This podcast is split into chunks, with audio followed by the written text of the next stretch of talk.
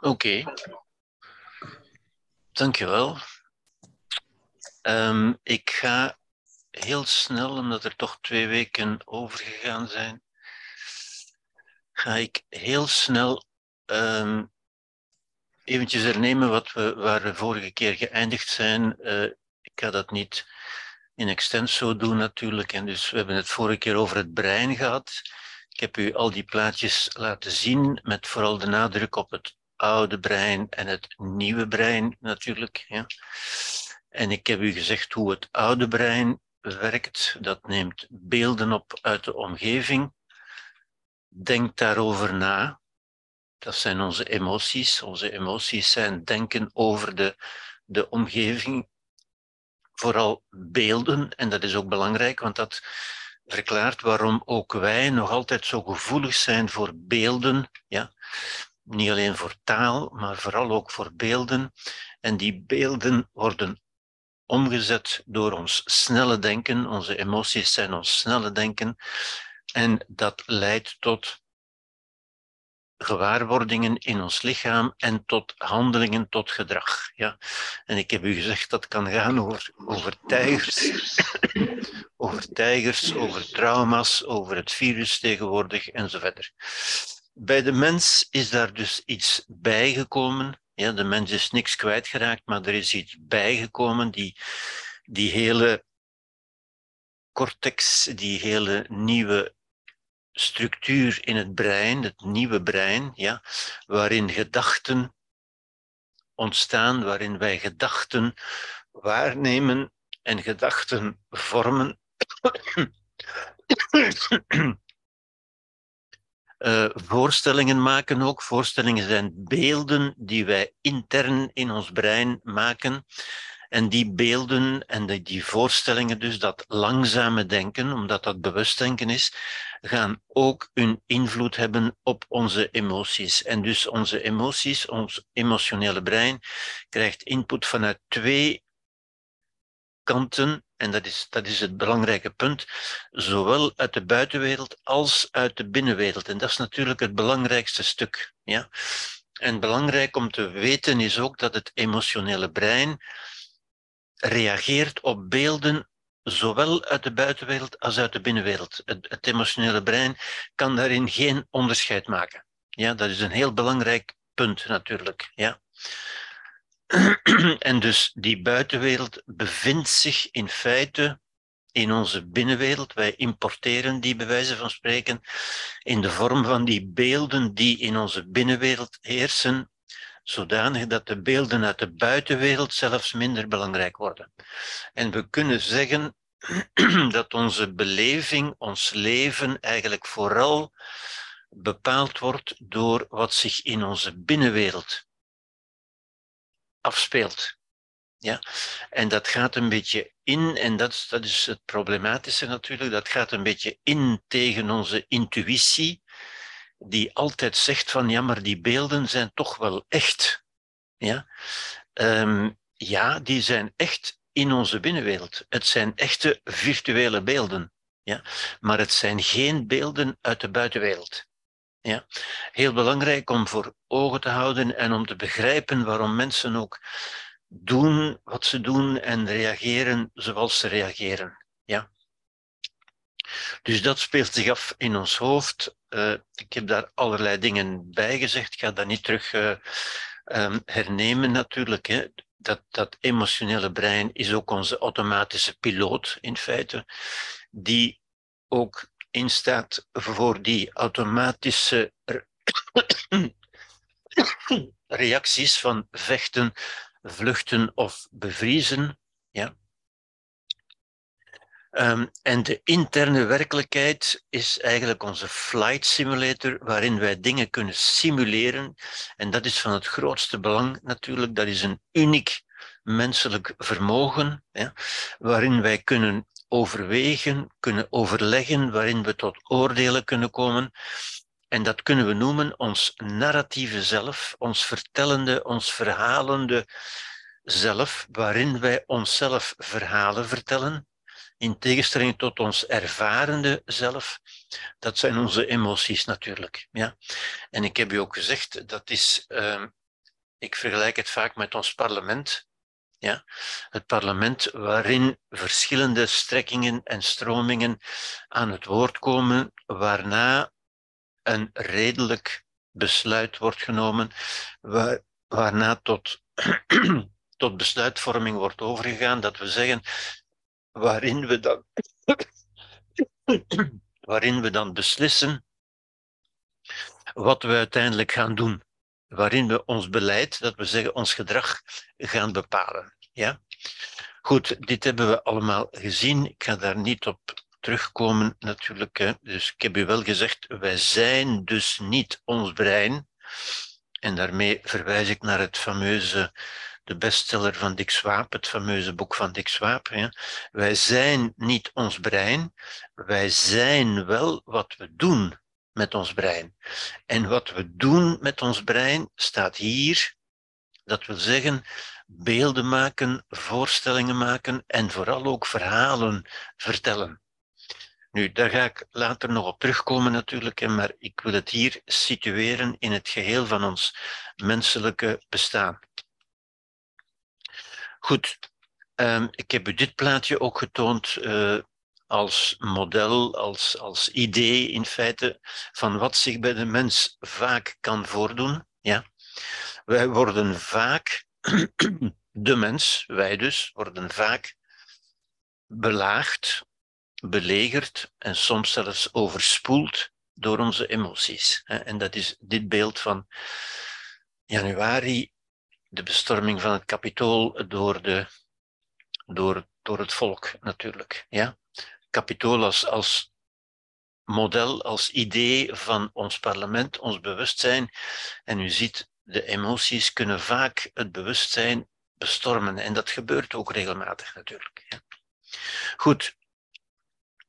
Ik heb u dit plaatje getoond, um, wat eigenlijk hetzelfde is, maar op een iets andere manier voorgesteld. Dat wil zeggen, de externe context importeren wij.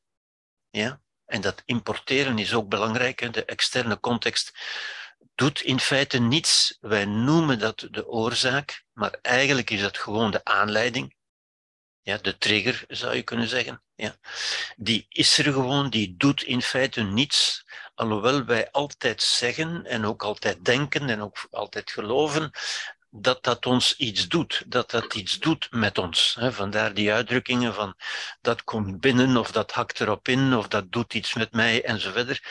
Nee, het doet eigenlijk niets. Wij zijn het die er iets mee doen door dat te importeren. Wij importeren dat, wij, wij, wij downloaden dat als u wil in, ons, in, in onze interne context. Wij maken er een interne werkelijkheid van.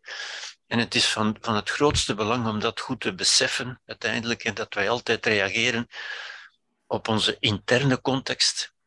En we begrijpen dat ook niet altijd goed, want niet alleen importeren we dat, dat wil zeggen, dat wil niet zeggen dat we daar een, een, een conforme kopie van maken, maar wel dat we dat importeren, maar dat tegelijk ook iets mee doen. Ja? We maken er een subjectieve beleving van, wat, wat ik voorstel als die verpakking hier. Ja? Wij geven er een verpakking aan. Wij importeren het, maar tegelijkertijd doen we er ook iets mee. We geven er een kleur aan, we doen er een papiertje rond, we, we verpakken het. Ja? En we noemen het, dat zijn de woorden van de, van de subjectieve beleving. Ja. We noemen het vreselijk, verlies, mislukking, tegenslag, slag in het gezicht, belediging, gemis, trauma enzovoort. Nu, dit zijn woorden die onze subjectieve beleving vertalen. In werkelijkheid zijn er geen beledigingen. Er zijn alleen woorden die door mensen gesproken worden. Maar wij kunnen dat natuurlijk een belediging gaan noemen. En als we het zo noemen, dan gaan wij daar ook emoties bij krijgen. Ja? En dus onze emoties komen altijd uit ons. Iets, iets van het grootste belang om te beseffen. Ja?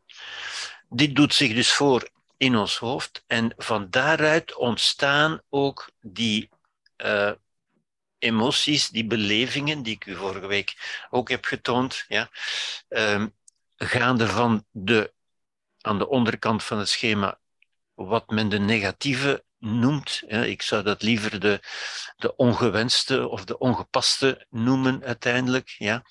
Uh, angst, afkeuring, woede, boosheid, verzet en zo verder, gaande tot depressie, wanhoop, uitzichtloosheid en gaande tot uiteindelijk, dat kan gaan tot een besluit om het leven te beëindigen, tot suïcide dus. Ja. Dat zijn de negatieve, de, de ongewenste, de, de minder fijne, de minder leuke, zouden we kunnen zeggen. Ja. Op zich zijn die niet negatief, niet negatief en niet positief, dat zijn gewoon onze emoties. Ja. Maar die zetten ons aan om iets te doen en daar kom ik dadelijk ook op, ja, die zetten ons aan om iets te doen om dat onaangename gevoel weer te doen, weer te doen verdwijnen. Ja. We kunnen ook reageren met andere emoties, die ik vorige keer ook getoond heb. We kunnen, maar die komen iets minder gemakkelijk. Deze komen heel gemakkelijk. Die kunnen we al bij een kind zien. Ja? Daar moeten we niks voor doen. Die komen automatisch. Dat is onze automatische piloot. Ja.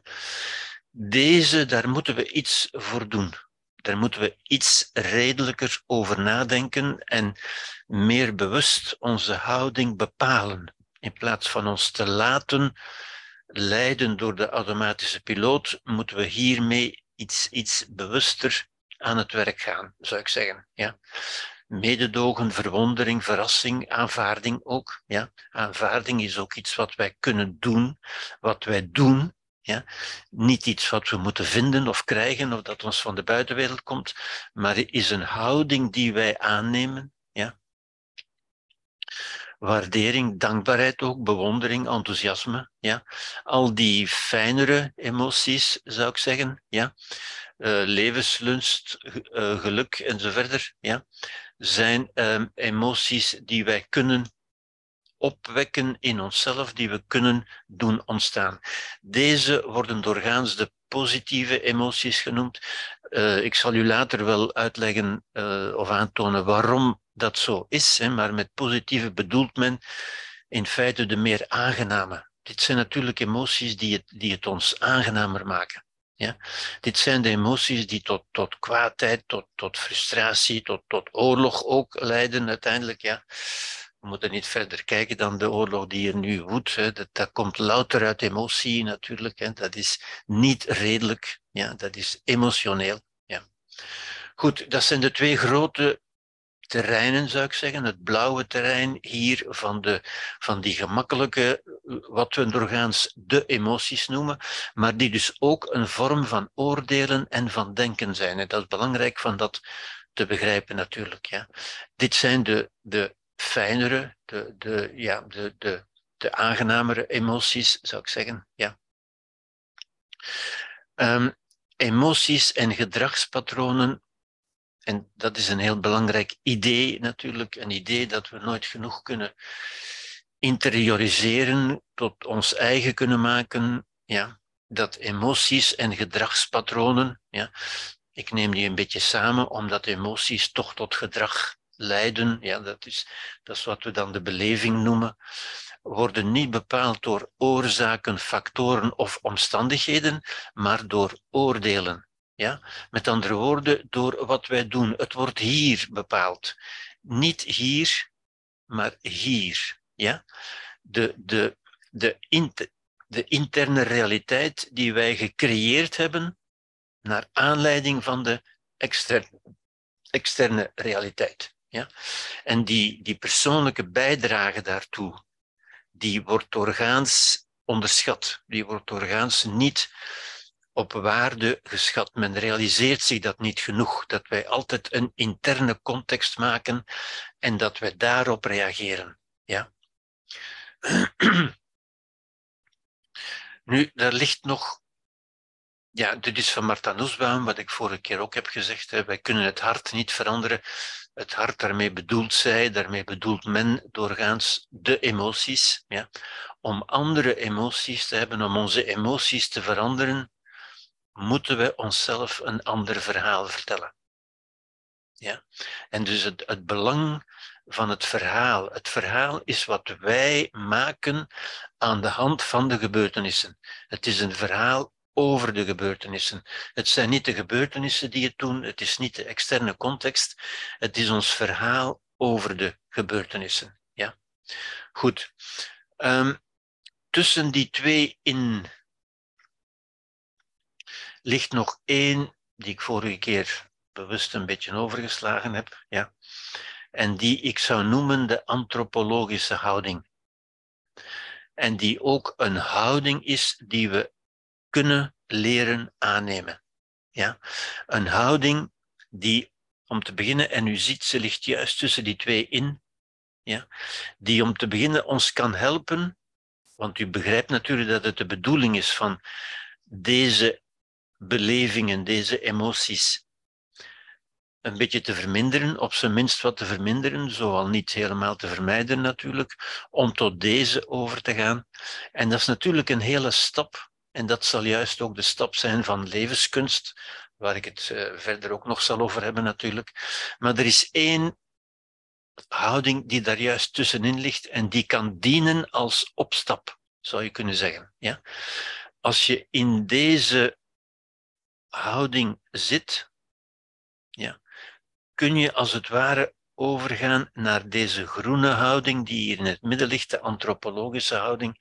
En de houd, die houding komt er eigenlijk op neer dat je leert van er geen oordeel over uit te spreken. Ja? Zoals een antropoloog doet. De antropologische houding, een antropoloog is iemand die naar um, andere culturen gaat kijken, niet om die te beoordelen, maar wel om ze te onderzoeken, om ze te bestuderen, om ze te leren begrijpen. En dat is de houding die wij ook zouden kunnen aannemen. En in feite zouden we bij alles wat zich voordoet, in plaats van daar emotioneel op te reageren, met daar onmiddellijk een betekenis aan te geven. Dit is erg, dit is een verlies, dit is een mislukking en zo verder. Zouden we kunnen leren van daar op een antropologische houding naar te kijken. Als gewoon iets dat gebeurt. Ja? En het woord om, om die antropologische houding op te roepen in onszelf, ja? Want het is van belang te, te beseffen dat we die houdingen oproepen door de woorden die we gebruiken. In de negatieve zin zijn dat de woorden die hier staan, samen met vele andere natuurlijk, ja. Als we in plaats van die woorden vreselijk verlies, mislukking, tegenslag en zo verder, zouden leren zeggen van kijk, dit is gewoon merkwaardig. Ik denk dat het woordje merkwaardig, en als u dat woordje bij uzelf proeft, als het ware, als u dat woordje in uw geest aanwezig laat zijn en u kijkt of u neemt waar wat dat met u doet, wat het met u doet als u bewust dat woordje gebruikt.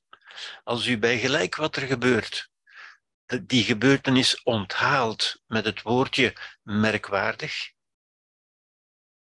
En ik denk dat u, u kunt dat nu experimenteren als u nu dat woordje in uzelf aanwezig laat zijn. Dat woordje wekt verwondering, wekt nieuwsgierigheid, maar zegt niet dit is goed of dit is slecht. Dat is een woordje dat niet oordeelt, maar dat uitnodigt tot onderzoek. Laten we eens kijken wat hier gebeurd is. Hoe kan ik dat begrijpen? Hoe kan ik daarmee omgaan? Ja? En dat ligt juist tussen die twee. Daarmee zegt u niet dat het goed of niet goed is. Ja? Dit, deze blauwe belevingen zeggen eigenlijk, en als u die woordjes hier ziet, dan begrijpt u ook dat zijn woordjes waarvan u, waarmee u eigenlijk zegt van dat wil ik niet.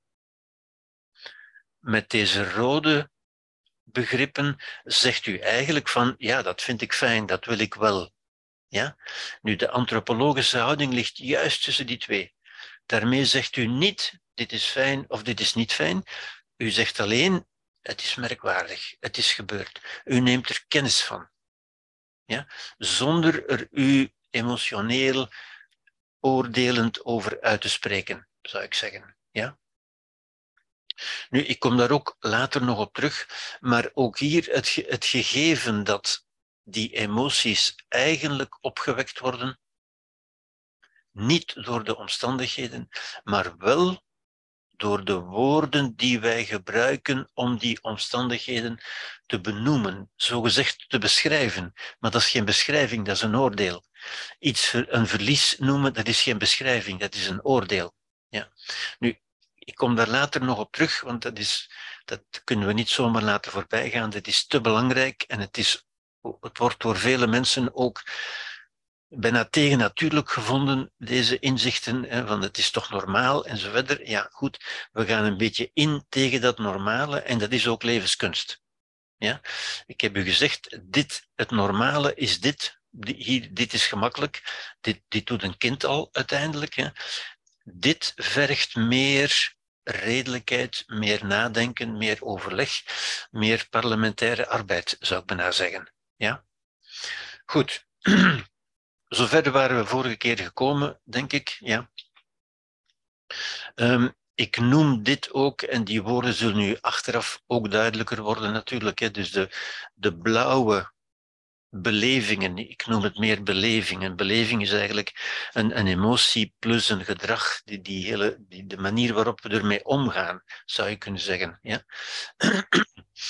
Dit kunnen we karakteriseren als een nee-logica. Al deze woorden zeggen eigenlijk van nee, dat wil ik niet.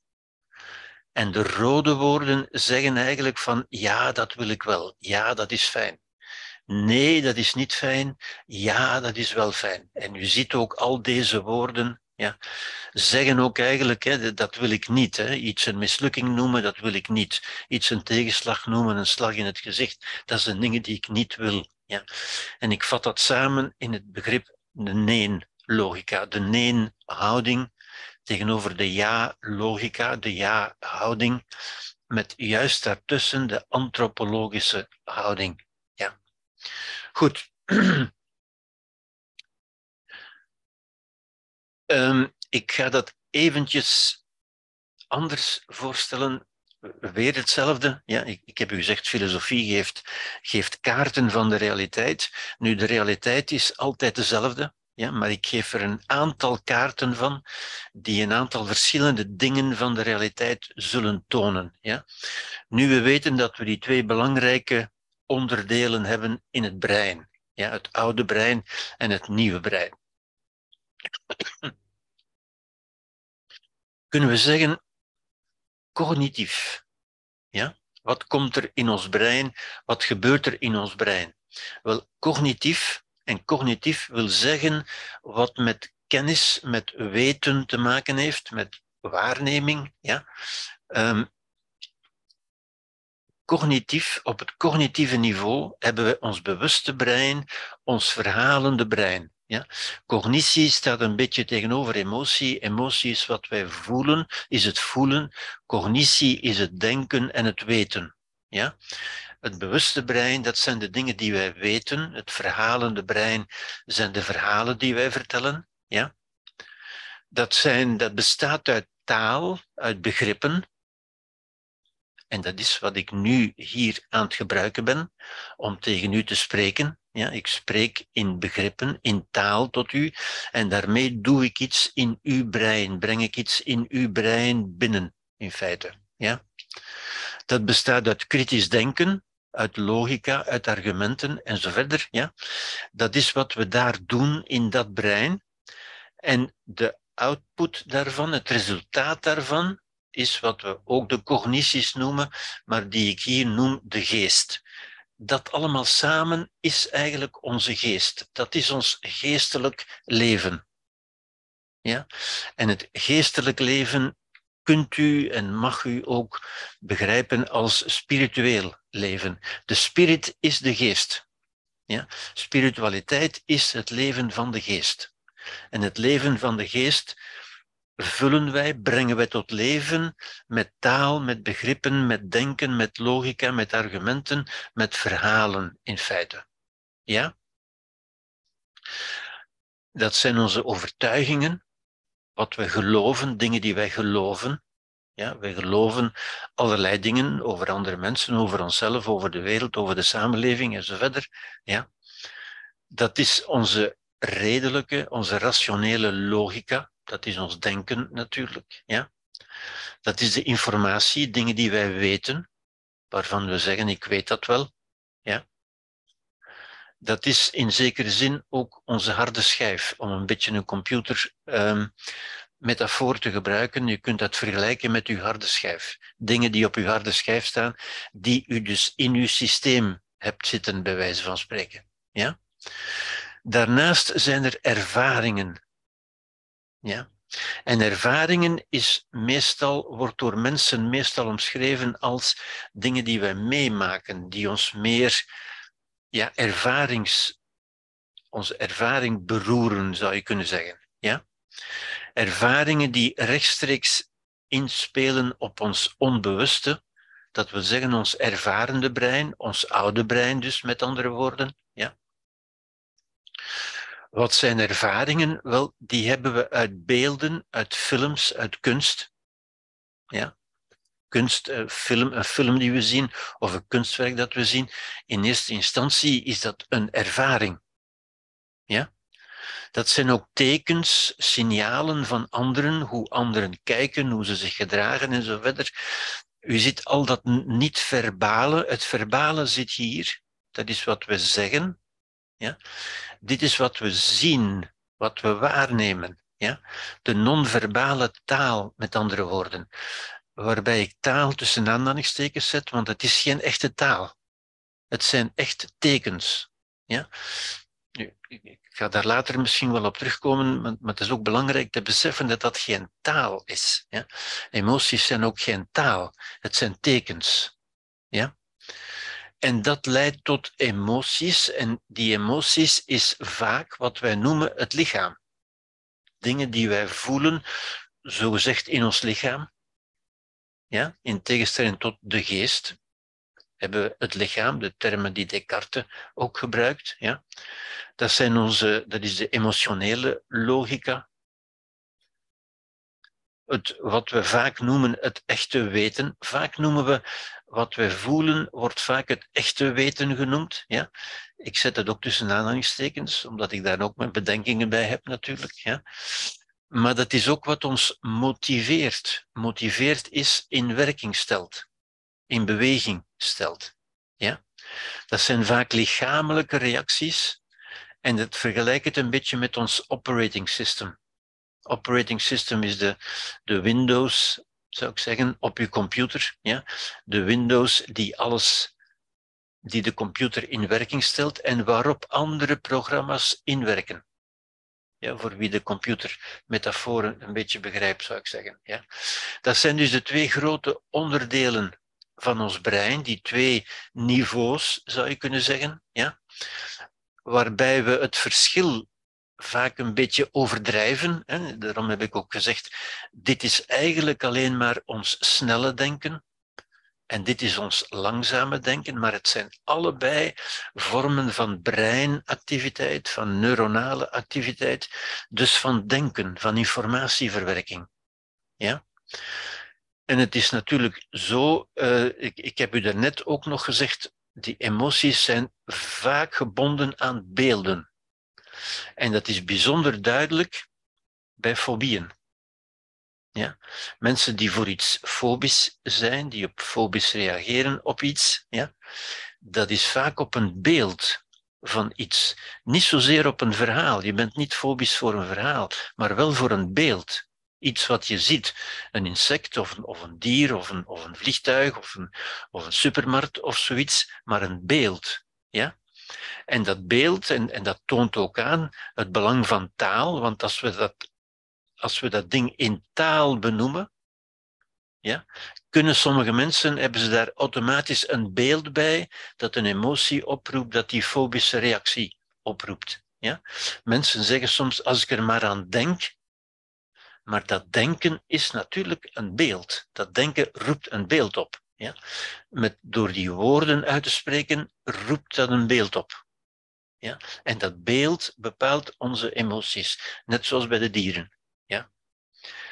Oké, nu, ik, ik doe dus hier, ik heb dat natuurlijk met opzet zo heel schematisch en heel gescheiden voorgesteld, ja? om het u heel duidelijk te maken. Ja? In werkelijkheid zijn er natuurlijk, dus dat is waar, het is juist zoals het hier staat, maar in werkelijkheid zijn er natuurlijk invloeden van het een op het ander. Ik heb het u net ook gezegd, ja? Uh, een, een woord roept een beeld op en dat beeld wekt onze emotie op en leidt tot handelen. Ja? En dus u ziet dat die twee verdiepingen, die twee niveaus, beïnvloeden elkaar natuurlijk. Ja? Vandaar ook het, het heel grote belang van taal. Niet zozeer van de woorden, maar wel van de woorden die, van de beelden die door de woorden worden opgeroepen. Ja? Als ik u zeg eh, de Eiffeltoren of, of, of Amsterdam of Moskou, dan roept dat onmiddellijk beelden bij u op. En dat is wat onze emotie geeft natuurlijk. Ja?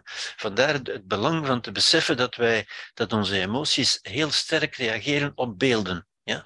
Zoals we sterk reageren op een kunstvoorwerp. Vaak. Een kunstvoorwerp is vaak alleen maar een beeld, zonder woord. Ja? Nu, in dat geval als we dat zien, hè, of op een film, dat zijn ook beelden natuurlijk. Hè. Ehm, de, de, de zogezegde lichaamstaal van andere mensen, dat zijn ook beelden uiteindelijk. Ja. Dat is geen echte taal, dat zijn beelden. Maar dan zal er een beïnvloeding gebeuren in de andere richting. Ja. Wij gaan namelijk aan dat beeld een betekenis toeschrijven. En dat is de andere invloed natuurlijk. Dus je ziet die twee niveaus beïnvloeden elkaar natuurlijk voortdurend. Ja? En dat maakt het onmiddellijk ook een beetje ingewikkelder. Vandaar dat ik er ook voor gekozen heb van dat aanvankelijk als heel gescheiden voor te stellen, om het heel duidelijk te maken, om het dan weer een beetje complexer te maken door te zeggen, ja, maar die staan toch voortdurend met elkaar in, in, in, een, in, in communicatie, zou je zeggen. Die wisselen gegevens met elkaar uit. Ja? En niet alleen hier in het brein zelf, maar ook verder, ook hier. Ja? Onze cognities gaan ons ook bepaalde emoties geven en omgekeerd, onze emoties zullen tot bepaalde overtuigingen leiden en zo verder. En dus u ziet, het wordt eigenlijk een, een, een complex netwerk maar waarin we toch die twee dimensies kunnen blijven onderscheiden. Ja? Omdat die toch een, een duidelijk eigen functionering hebben ook. Ja? En mensen hebben ook die ervaring, en dat, dat wordt hierdoor verklaard, hebben die ervaring van enerzijds ben ik mijn emoties, mijn lichaam zogezegd, ja? en anderzijds ben ik ook mijn, mijn denken. Ja? Wat Descartes ook zei. Ja? De mens heeft een, heeft een lichaam het, uitgebreide ding noemde hij dat, de res extensa.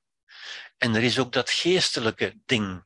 En dat geestelijke ding is altijd een beetje moeilijk, want, want wat is dat eigenlijk juist? Ja? Waar zit dat dan ergens juist? Hè? Nu, ik probeer het hier ook een beetje duidelijk te maken. Het, is niet, het zit niet in ons brein, het is wat wij doen met ons brein. Net zoals emoties eigenlijk. Ja? Emoties zitten niet in ons brein, maar worden opgeroepen door ons brein. Ja? Worden ja, tot stand gebracht door ons brein. Het is, een emotie is een activiteit van ons brein. Een emotie is niet iets dat in ons brein zit. Een emotie is geen ding. Ja? Vandaar ook, die, die, dat is geen ding dat je, kunt, uh, dat je moet losmaken of loslaten of ergens neerzetten of, of, of naar buiten brengen of uiten of zo verder. Nee, het is een activiteit van dit gedeelte van het brein. En onze cognities, wat we dan onze geest meestal noemen, onze, onze spirit, onze spiritualiteit, is wat we doen met dit gedeelte van het brein. Ja? Dus u ziet, ze zijn onderscheiden, ook evolutionair. Ze zijn op verschillende tijdstippen ontstaan. Ja? Maar ze werken toch natuurlijk nauw samen bij de mens. Ja? Um, ervaringen kunnen ook een transformatie teweegbrengen door nieuwe ervaringen. We kunnen nieuwe ervaringen opdoen. Ja? Mensen kunnen door een bepaalde ervaring, een, een nare ervaring zeg maar, plots fobisch gaan worden. Ja? Daar iets aan overhouden, zeggen de mensen. Ja? Daar een angst voor behouden tegenover iets een fobische reactie ontwikkelen. Ja? Dat is een transformatie door een nieuwe ervaring. Ja? Iemand die door een hond gebeten wordt, kan heel zijn leven, bij wijze van spreken, bang blijven voor honden. Ja? Maar het omgekeerde is evenzeer mogelijk en dat wordt niet genoeg uh, begrepen natuurlijk. Ja?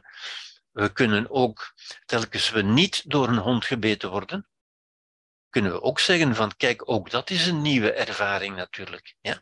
En dat is wat men dan de, de behandeling zogezegd noemt, door exposure, door je daaraan bloot te stellen. Ja? Door die ervaring juist op te zoeken en te constateren van, tja, ik kan dat wel, dat lukt wel. Iemand die nooit in een lift eh, durft te stappen of in, of in een supermarkt, wel, door dat bewust en een beetje geforceerd, zichzelf een beetje dwingend om het toch te doen en dan vast te stellen, tja, dat lukt mij wel. En ook op die manier kan men nieuwe, kan men een soort transformatie teweeg brengen. De, de genezing dan, zo gezegd. Hè. Men, men kan daar overheen stappen, men kan gaan begrijpen dat die reactie overdreven was. Dat is een typische reactie van het onbewuste, van het emotionele brein. Dat is een zeer emotionele reactie. Um, ik kom daar straks ook nog wel op terug. Ja. Taal en beelddenken, dus denken in beelden, en het beseffen dat we vaak in beelden denken, is als een soort brug naar het onbewuste. Ja. Ons onbewuste denkt meestal in beelden. En het zijn beelden die ons onbewuste aanspreken. En de taal werkt heel vaak door beelden op te roepen die naar het onbewuste gaan. En dus door, door bewust die taal te gaan gebruiken, kunnen we ons onbewuste beïnvloeden. Ja? Het is bewust, bewust wil zeggen met taal, een beeld oproepen waar het onbewuste brein op reageert. Ja? En op die manier kunnen wij onszelf programmeren, bij wijze van spreken, beïnvloeden, transformeren. Ja? Door te beseffen dat alles wat we doen en wat we herhaaldelijk doen, dat wordt een patroon, dat wordt een weg, een baan in het brein, een patroon, een, een circuit, een netwerk in het brein. En op die manier kunnen wij ons brein inderdaad programmeren. Ja? Iemand die vaak viool speelt, zal andere delen van zijn brein programmeren. En iemand die vaak taxi rijdt, zal nog andere delen. Ons brein is heel flexibel, heel soepel en reageert op wat wij ermee doen. Net zoals onze spieren reageren op wat wij ermee doen. Ja? Wat je kunt inbeelden, en ook dat is een belangrijk begrip, ja? wat je kunt inbeelden, kun je ook realiseren. En het realiseren, het doen, zouden we uitbeelden kunnen noemen. Dus wat je kunt inbeelden, kun je ook uitbeelden. Ja? Wat u zich kunt voorstellen dat u doet, wat u zichzelf kunt vertellen, wat u zich kunt inbeelden, een voorstelling maken van wat u doet. Als u die voorstelling genoeg maakt, dan kunt u dat ook doen. Alleen wat u zich niet kunt voorstellen, dat kunt u niet doen. Ja? Maar als u, als u dit begrijpt, dan begrijpt u al een groot stuk van wat u met uw brein kunt doen. Ja? Men zegt dat ook vaak, uh, you, you fake it until you make it. Ja? Je begint met te doen alsof, en uiteindelijk kun je het dan ook doen. Ja? En dus als u dat begrijpt, dan beseft u ook dat wij tot veel meer in staat zijn dan wat doorgaans wordt gedacht. En dat wij, zoals ik ook al heb gezegd, veel minder kwetsbaar zijn, bijvoorbeeld, dan wat wij ooit hebben gedacht. Ja? Het is hoe we ons brein gebruiken. Ja? En dan begrijpt u ook dat mensen vaak zeggen van uh, je moet naar je lichaam luisteren. Ja? En dat is natuurlijk waar, want het lichaam is onze dienaar. Het is ons, ons uitvoerend orgaan. Ons lichaam is waarmee we in de wereld actief zijn, waarmee we in de wereld bestaan en interageren en contact hebben met mensen en met dingen. Ja? En natuurlijk moet u daar zorg voor dragen, want u hebt dat nodig, dat lichaam natuurlijk. Ja? Maar eigenlijk is het vooral van belang, zou ik zeggen. Ja? Het, het lichaam protesteert meestal niet. Het lichaam probeert altijd van te doen wat wij willen dat het doet. Het probeert ons altijd te dienen uiteindelijk. Ja? Op, een, op een heel verrassende manier. Ik, ik zal daar ook nog wel op terugkomen, want dat zijn allemaal wonderlijke verbanden uiteindelijk. Ja? Maar wat ik hier wil zeggen is uh, van, van oké, ik, ik zeg dan, als mensen dat zeggen, zeg ik vaak oké, je moet luisteren naar je lichaam inderdaad, want, want je lichaam moet je verzorgen, je hebt dat nodig. Ja? Het is je dienaar, het is je beste vriend. Maar eigenlijk moet je ook beseffen dat je lichaam altijd naar u luistert. Luisteren naar het lichaam, oké, om dan te ontdekken dat het lichaam altijd al naar u heeft geluisterd. Ja. En dat is vooral natuurlijk heel in het algemeen nu, hè, zou ik zeggen, als u luistert naar het lichaam en u ontdekt bijvoorbeeld, of, of u merkt bijvoorbeeld dat uw lichaam gestresseerd is, dan is dat niet uw lichaam dat tegen u spreekt, dat is in zekere zin natuurlijk wel het lichaam dat tegen u spreekt, maar dat is het lichaam dat iets tegen u zegt, omdat u in eerste instantie iets tegen het lichaam hebt gezegd. Ja? U hebt uw lichaam zelf in stress gebracht. Het lichaam gaat niet zomaar stress produceren. Ja? Het is omdat u aan uw lichaam boodschappen hebt gegeven waar, waarop het heeft gereageerd met stress. Ja? En stress, zou ik zeggen, ik ga daar ook op terugkomen. Hè. Stress kunnen we heel eenvoudig en heel simpel eigenlijk definiëren. Als u, uh, als u zich voorstelt dat u in uw auto zit, ja, en uw auto reageert ook op de boodschappen die u geeft, met uw pedalen en met uw stuur en met uw versnellingspook. Ja.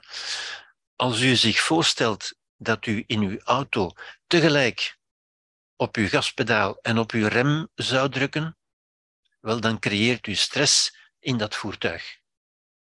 En dat is precies ook de manier waarop wij dat doen in het lichaam.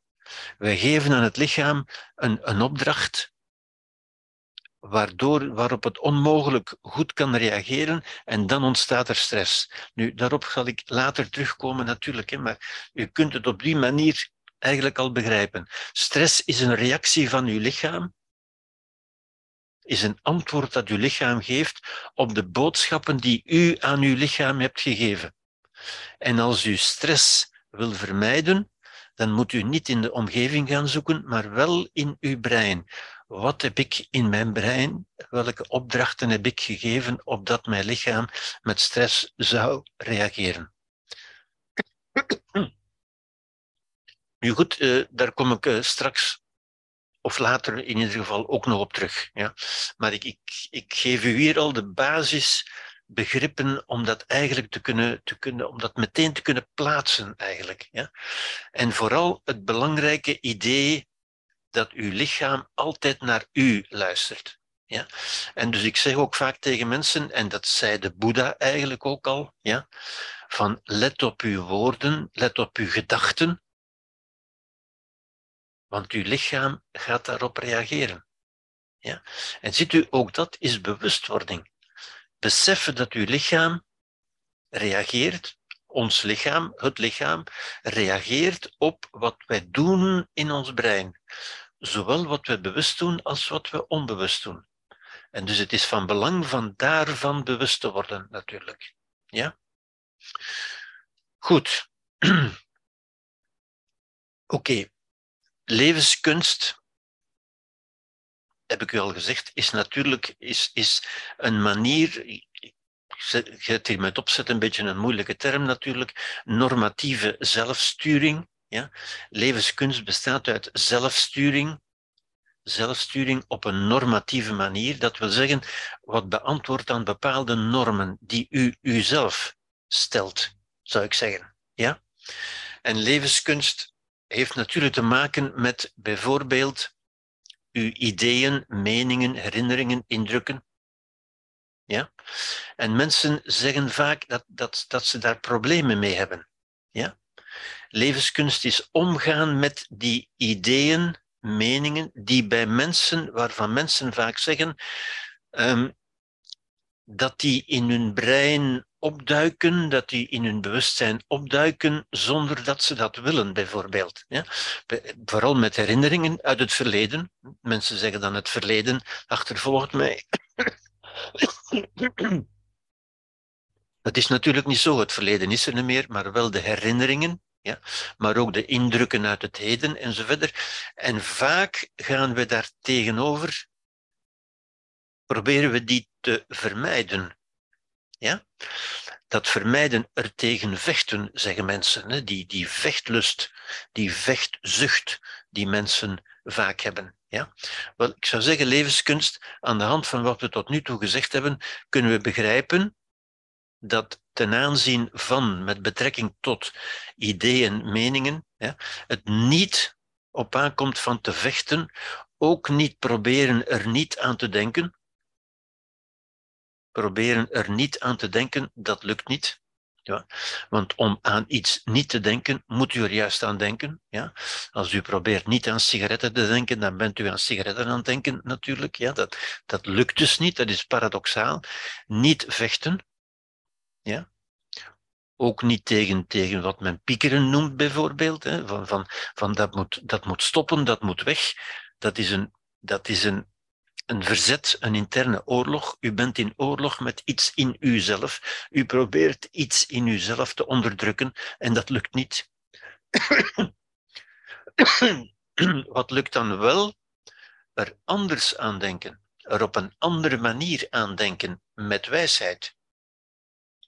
Bijvoorbeeld, ja, als u over, meestal gaat het over dingen waar we negatief over denken, zogenaamd negatief, op, op de blauwe manier, ja, van, van dat mag niet, ik kan niet, ik kan daar niet tegen en dat stoort mij enzovoort. Wel, probeer er eens aan te denken als een antropoloog, bijvoorbeeld. Ja? Die gedachte komt gewoon in mij op. Een gedachte is gewoon een gedachte.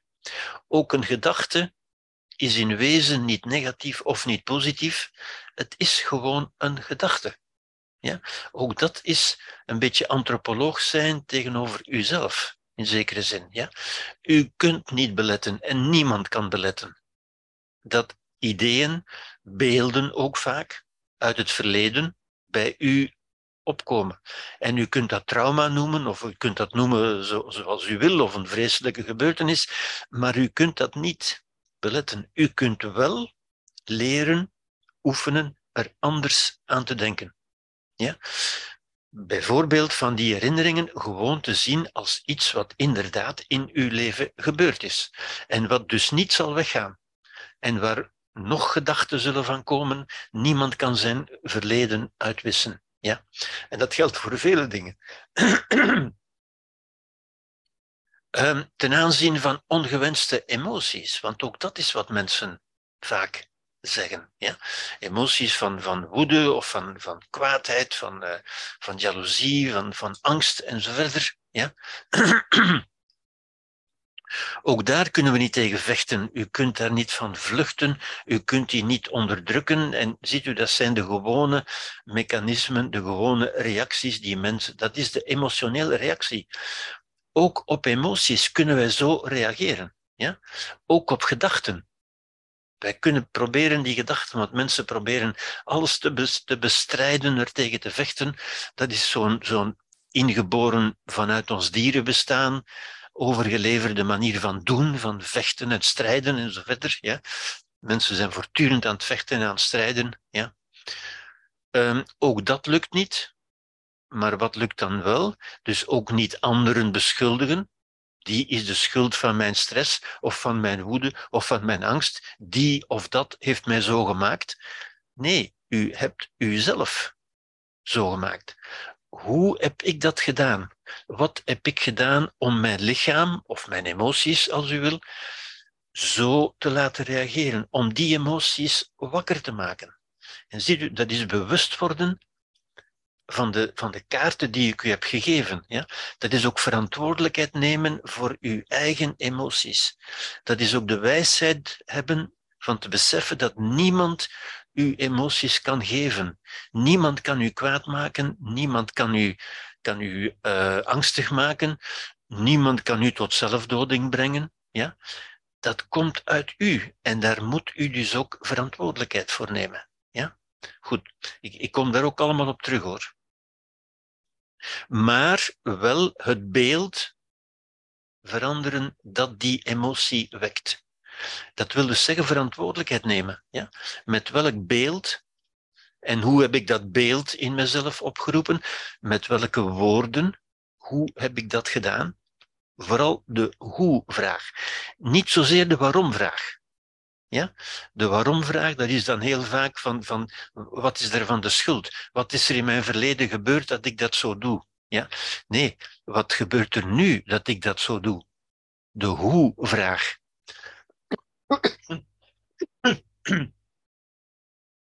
Bewustzijn, zoals ik daarnet ook heb gezegd, bewustzijn van het belang van beelden. Beelden, nogmaals, voorstellingen dus, die opgeroepen worden door de woorden die wij gebruiken. En als wij negatieve woorden gebruiken, of woorden die we negatief noemen, dan gaan we negatieve beelden oproepen. Ja? Als wij iets een belediging noemen, dan gaan we het ervaren als een belediging. In wezen zijn er geen beledigingen. Ja. En ook ten aanzien van ongewenst of ongepast gedrag. En voor gedrag geldt dat nog meer, want gedrag dat is nu wel iets waarover u een grote macht hebt. Gedrag komt uit u, dat zijn uw spieren natuurlijk. Ja. Dat zijn niet uw spieren, dat zijn uw spieren die luisteren naar uw emotie en uw emotie luistert naar uw denken. Ja. En dus uw gedrag komt helemaal uit u, maar van gedrag kunt u toch onmogelijk zeggen dat iemand anders dat veroorzaakt heeft. Van, emoties of van gedachten kunt u eventueel nog denken dat andere mensen die in uw hoofd geplant hebben of zo. Uh, maar van gedrag kunt u toch niet denken dat andere mensen een, afstandsbediening hebben waarmee zij uw spieren kunnen, kunnen bedienen, bijvoorbeeld. Ja? Daarvoor moet u toch verantwoordelijkheid nemen. Ja? En dus ook daar, die gedrag, ik heb het nu ook bijvoorbeeld over verslavingsgedrag. Ja, over, over roken of drinken of, of, of wat dan ook. Hè, of, of dingen stuk slaan uh, in bepaalde gevallen. Ja. Stop met excuses. Het was sterker dan mezelf. Nee, niets is sterker dan uzelf. Het zijn uw emoties die reageren op uw manier van denken. Ja? Neem verantwoordelijkheid voor uw gedrag. Het waren uw spieren. Het was uw gedrag. Het zijn uw voeten die u naar hier of naar daar gebracht hebben. Het waren uw handen die dingen gedaan hebben. Ja? Het, het was uw lichaam. Ja? Niemand heeft een afstandsbediening over u. Ja? En met deze drie um, elementen, zou ik zeggen, deze drie, deze drie, ja, hoe zou ik het noemen, deze drie ideeën, komt u al een heel eind op weg naar normatieve zelfsturing, zou ik zeggen. Naar levenskunst dus. Levenskunst bestaat eruit dat u uw leven zelf gaat leiden. Ja?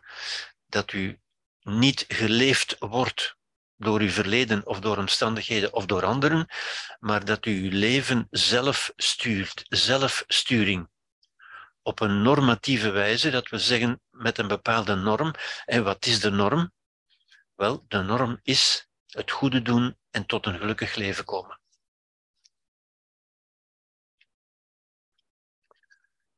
Ja?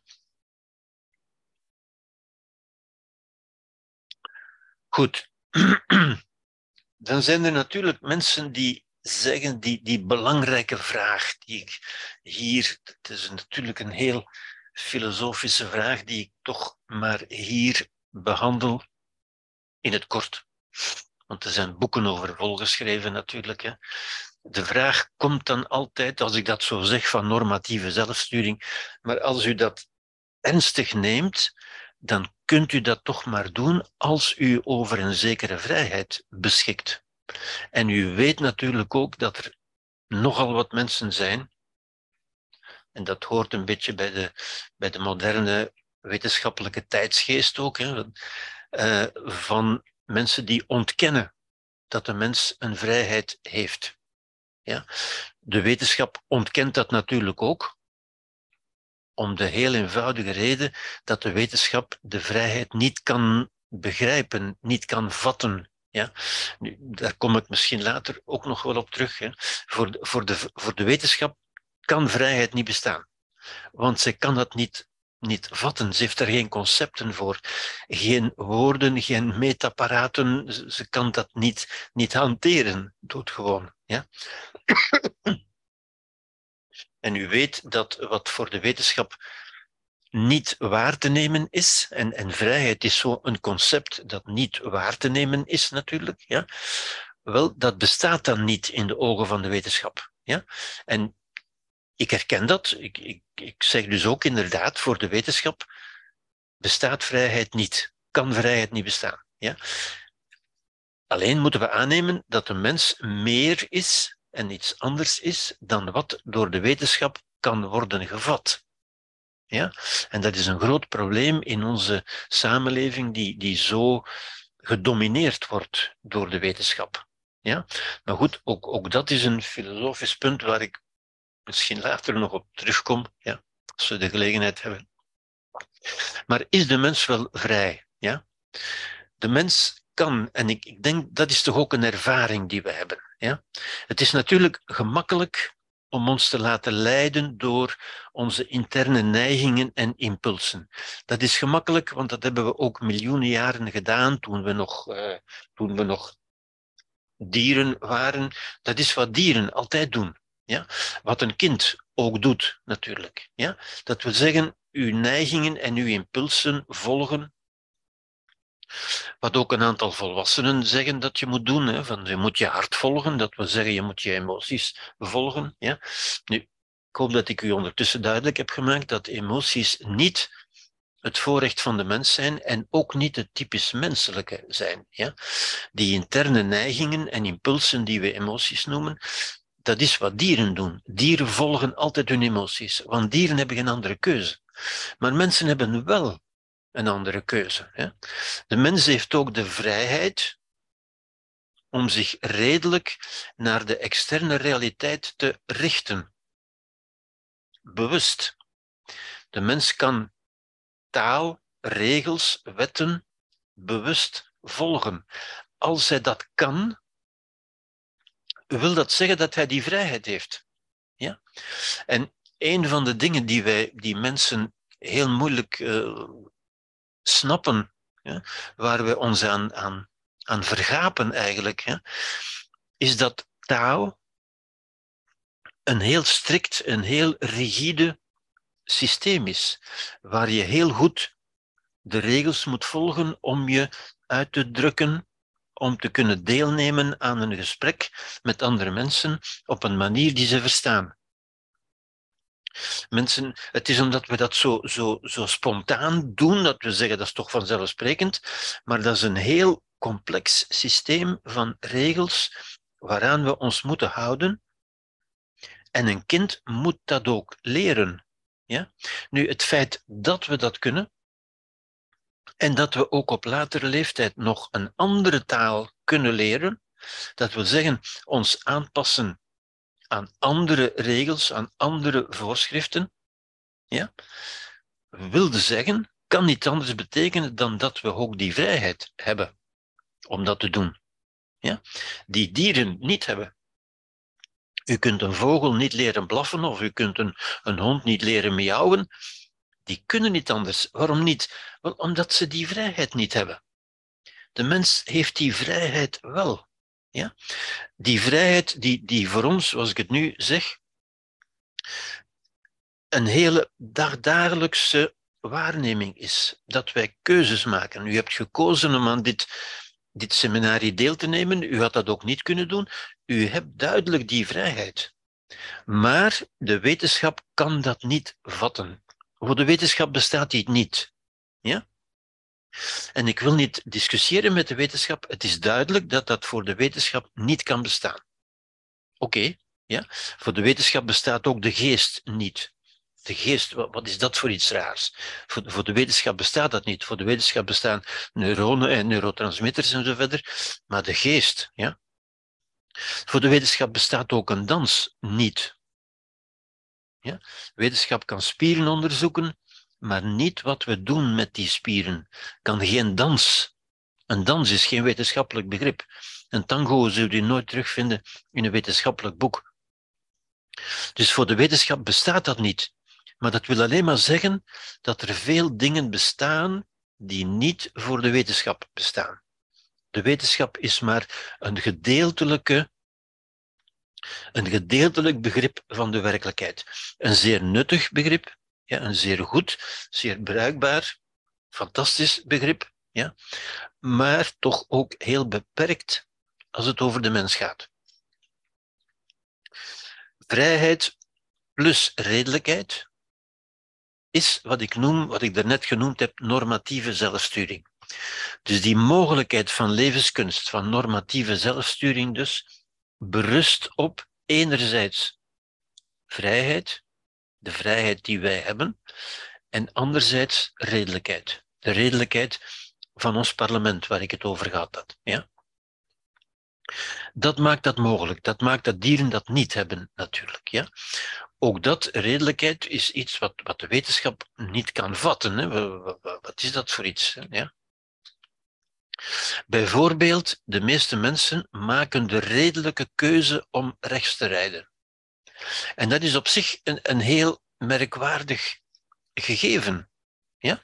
Hoe komt het dat de meeste mensen dat doen? Zijn wij dan geboren met, met een instinct om rechts te rijden? Nee. En, en voor er auto's waren en zo verder, had dat ook geen enkele zin. In de natuur komt dat niet voor, rechts rijden. En toch kan de mens dat doen. En toch zien we dat in, als je in een stad loopt, dat, dat iedereen rechts rijdt. Wat wil dat zeggen? Dat iedereen die keuze maakt, omdat iedereen redelijk begrijpt dat dat een goede keuze is. Maar dat toont er ook, wijst er ook op dat mensen die vrijheid hebben. Ja? De vrijheid om als beschaafde mensen met elkaar om te gaan. Ja? Als er geen vrijheid van keuze was, zouden ze allemaal willekeurig door elkaar rijden. Ja? Als u een aantal dieren in een straat loslaat, dan zullen die nooit spontaan rechts gaan rijden. Ja? Rechtsrijden is een, is een begrip, is een norm waar we ons aan houden, omdat we die redelijk vinden. Dieren gaan dat nooit doen. Als mensen dus die vrijheid niet zouden hebben, ja, dan zouden ze allemaal willekeurig door elkaar lopen en rijden zoals dieren dat doen. Ja. Het feit dat mensen dat doen, en dat kennelijk dus ook kunnen, wijst er duidelijk op dat ze die vrijheid hebben. Ja? Goed, ik wil het daarbij laten. U, u weet over vrijheid zijn boeken volgeschreven natuurlijk, hè, maar ik wil het laten bij die, bij die makkelijke existentiële, vanzelfsprekende waarnemingen die ieder van ons elke dag kan doen. Ja? U kunt elke dag kiezen of u naar Carrefour of naar de Leize gaat, of eventueel geen boodschappen gaat doen en, en wat u koopt enzovoort. Wij maken dagelijks tal van keuzes die erop wijzen dat we die vrijheid hebben. Ja? Mensen tonen hun vrijheid door te kiezen voor een ogenschijnlijke onvrijheid. En daar moet u ook eens over nadenken. Want u zou kunnen zeggen, ja, maar ik heb niet de vrijheid om rechts te rijden of niet. Dat is geen vrijheid, zeggen de mensen dan. Ja? Ik heb daarin geen keuze. Maar dat is een grote vergissing. Ze hebben natuurlijk wel keuze. Maar het is een keuze die ze niet maken. Ja? Een keuze die je niet maakt, is nog altijd een keuze. U hebt, ieder van u, ieder van ons, heeft elke dag de keuze om links of rechts te rijden. We maken alleen de keuze, en dat moeten we beseffen dat we die keuze hebben. Ja? We maken alleen de redelijke keuze en we zeggen dan die andere optie, ja, maar dat is geen keuze. Links rijden, dat is geen keuze. Dat is fout, dat is wel een keuze.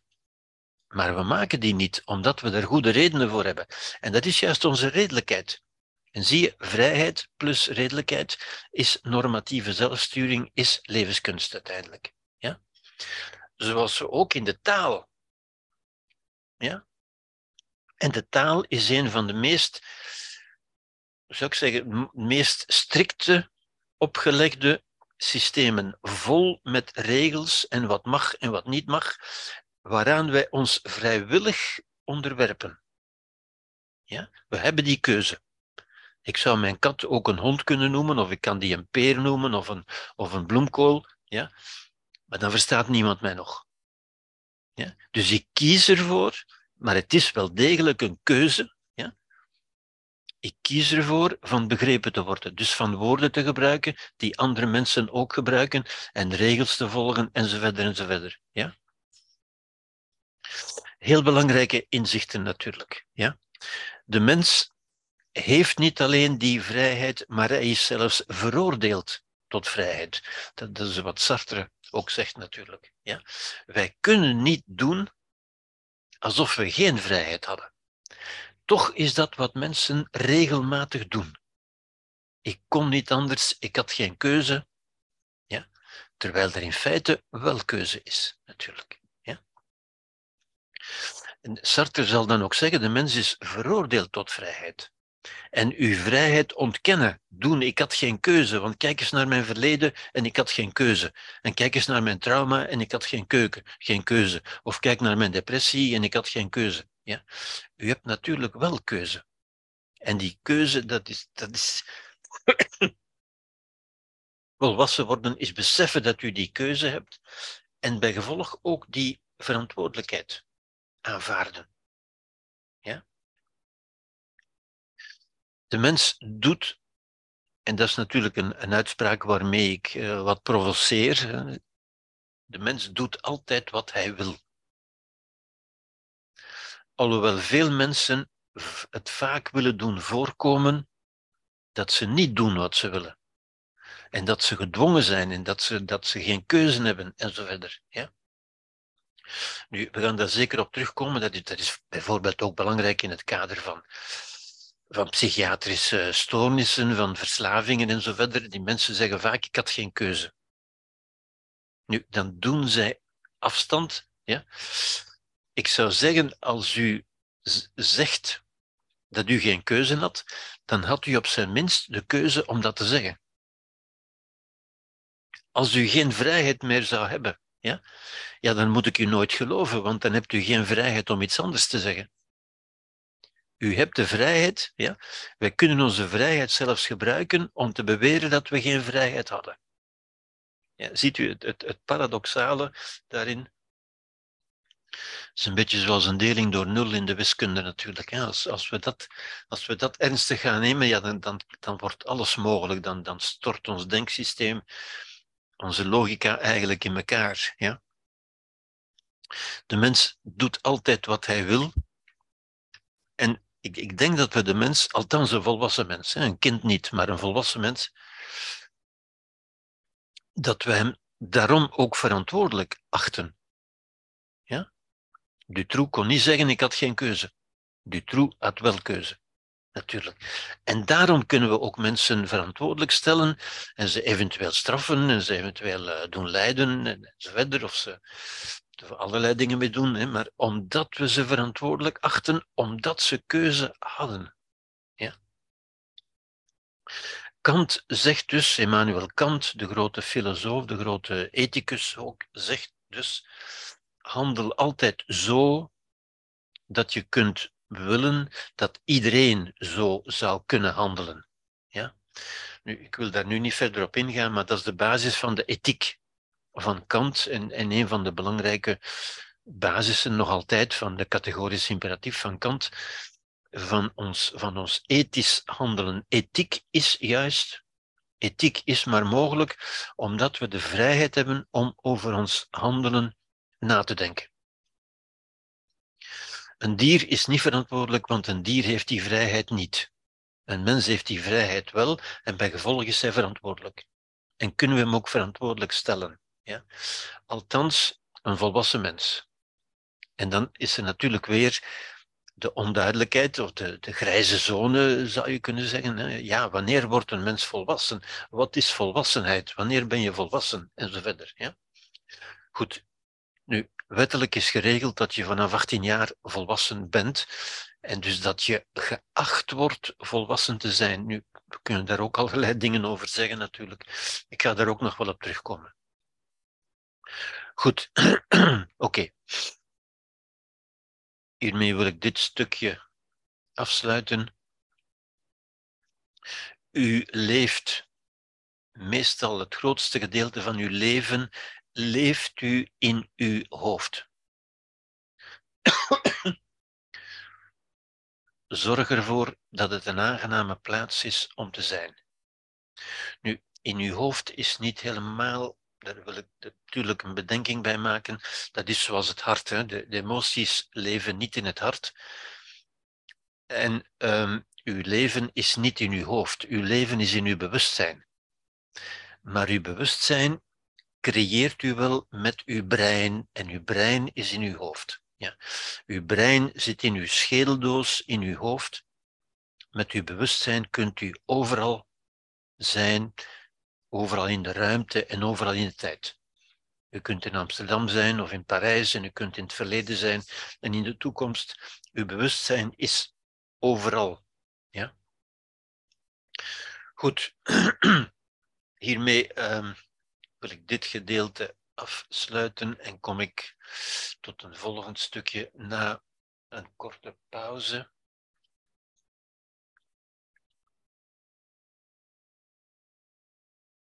Ik heb al veel over het bewustzijn gesproken en dat is ook het belangrijkste um, thema, zou ik zeggen, want het is daar waar levenskunst zich natuurlijk situeert, waar ook onze vrijheid ligt, waar onze menselijke mogelijkheden liggen. Maar ik wil toch ook even stilstaan bij de ontwikkeling van het bewustzijn. En daarmee bedoel ik ik heb, ik heb ook al een aantal keren gezegd, gesproken over een kind en, en volwassenen. En het is duidelijk dat het bewustzijn niet zomaar iets is wat er, wat er meteen is, maar iets wat zich ontwikkelt, natuurlijk. Ja, ja. dit plaatje heb ik al getoond, ja, uh, waarmee ik wil zeggen dat de de ontwikkeling, het bewustzijn behoort bij de mens en is niet aanwezig bij, laten we zeggen, de vormen van leven die de mens zijn voorafgegaan. En ook bij de mens zelf, want ik heb u ook gezegd, de mens doorloopt in zijn individuele leven een beetje de, de verschillende fasen ja, van de evolutie. Zoals de evolutie in de oceaan is ontstaan en dan op het droge is gekomen en tot de mens heeft geleid. Zo kun je in zekere zin zeggen, het individuele leven is ontstaan in de, in de oceaan van de baarmoeder, ja, is dan op het droge gekomen bij de geboorte, zou je kunnen zeggen, en ontwikkelt zich tot een volwassen bewustzijn. Hoe kunnen we ons dat voorstellen? Wat is bewustzijn? Bewustzijn is een van de moeilijkste dingen om te om te vatten in feite. Ja? En ook, ook wetenschappelijk, maar ook filosofisch blijft dat eigenlijk moeilijk. Ja? Nu, als we het over ontwikkeling hebben, wil dat zeggen dat we ergens beginnen en ergens uitkomen. We beginnen ergens op, op nul, zou ik bijna zeggen. Ja? Um, bewustzijn is in ieder geval laat ik al zeggen wat het zeker niet is. Het is geen orgaan, het is geen lokalisatie in het brein. Iets wat de wetenschap vaak naar zoekt natuurlijk. Hè. Waar, waar zit dat dan ergens in het brein? Wel, je vindt het niet in het brein. Net zoals je een tango niet in de spieren kunt vinden. Ja? Het ontstaat in het brein en men noemt dat emergentie. Emergentie is eigenlijk het ontstaan, zoals het leven ontstaan is uit de oceaan en op het droge is gekomen. Ja?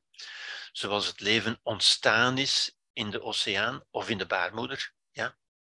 Zo ontstaat het ook, hè, zoals een dans ontstaat uit de activiteit van de spieren, maar daaruit niet begrepen kan worden. We kunnen een dans niet begrijpen door spieren te bestuderen. Dat is wat de wetenschap doet. En dus nogmaals, de wetenschap volstaat niet, is niet in staat om de meest menselijke activiteiten, de meest menselijke dimensie, namelijk het bewustzijn, te begrijpen. Ja? Het bewustzijn, kunnen we zeggen, is de ruimte, een virtuele ruimte, ja? die is niet in ons hoofd, niet in onze schedel, het is een virtuele ruimte, die is overal, waarin de werkelijkheid zich aan ons voordoet, waarin zij verschijnt, onze interne ruimte, zou je kunnen zeggen. Ja? Julian Jaynes zei, het is een analoog model van de wereld. Ja? Het is een simulatie, een afbeelding. Ja? Het is een operationeel systeem en ik vergelijk het vaak, of men kan het zeer goed vergelijken met de wiskunde. Ja? Als, je, als je afvraagt waar bestaat de wiskunde, waar is dat eigenlijk? Wel, die bestaat ook nergens. Die bestaat in die virtuele ruimte in ons bewustzijn. Ja? En het is een operationeel systeem in de zin dat we daar iets kunnen mee doen. Ja? Wat doen we met de wiskunde? Wel, we nemen iets waar, we transformeren dat tot een wiskundig model. En met dat wiskundig model kunnen we aan de slag gaan, kunnen we iets doen. En dan kunnen we dat terug transformeren naar de werkelijkheid. En dan blijkt dat nog te kloppen ook. Ja. Wel, dat is een beetje het wonder van het bewustzijn ook. Ja. In het bewustzijn maken wij een model van de wereld. Wij doen daarmee iets in ons bewustzijn. En dan kunnen we dat terugprojecteren, terugbrengen naar de werkelijkheid. Dat is hoe uitvindingen gebeuren, dat is hoe kunst gemaakt wordt en zo verder. Ja? Op basis van taal, voorstellingsvermogen, geheugen en communicatie, de echte typische menselijke ja, mogelijkheden. Goed. Hier ga ik een beetje door, dit hebben we al gezien. Laten we zeggen, het bewustzijn begint ergens hier. Dat is een voorstelling natuurlijk. Ja? Ik zou zeggen, dit is het, de basistrap, laten we zeggen bewustzijn nul. Ja? Dat is het bewustzijn van het louter biologische leven. Bijvoorbeeld van ons toen we één cel waren, of toen we in ieder geval nog in de baarmoeder waren, ja? of, of bij de geboorte, daar kunnen we ook weer over discussiëren natuurlijk. Maar ons allerprimitiefste, ons allereerste bewustzijn, dat we eigenlijk nog geen bewustzijn noemen, maar dat alleen een vorm van bestaan is die bestaat zoals planten of dieren bestaan, dat wil zeggen met een wil tot leven. De wil tot leven kunnen we zien als ons eerste bewustzijn. Maar dat is geen bewust bewustzijn natuurlijk. We zijn niet bewust van de wil tot leven op dat moment. Ja? Nu, we noemen dat, om, om er toch een naam aan te geven, noem ik dat een archaïs bewustzijn. Archaïs wil zeggen eeuwen oud, een oud bewustzijn. Ja? Eigenlijk kunnen we zeggen bewustzijn nul. Waaruit bestaat dat bewustzijn? Wel, het is uitsluitend gericht op de overleving. Het bestaat uit onze biologische behoeften, uit veiligheidsbehoeften, de behoeften die een, die een kind bij de geboorte heeft om gevoed en gedragen en verwarmd te worden enzovoort. Ja?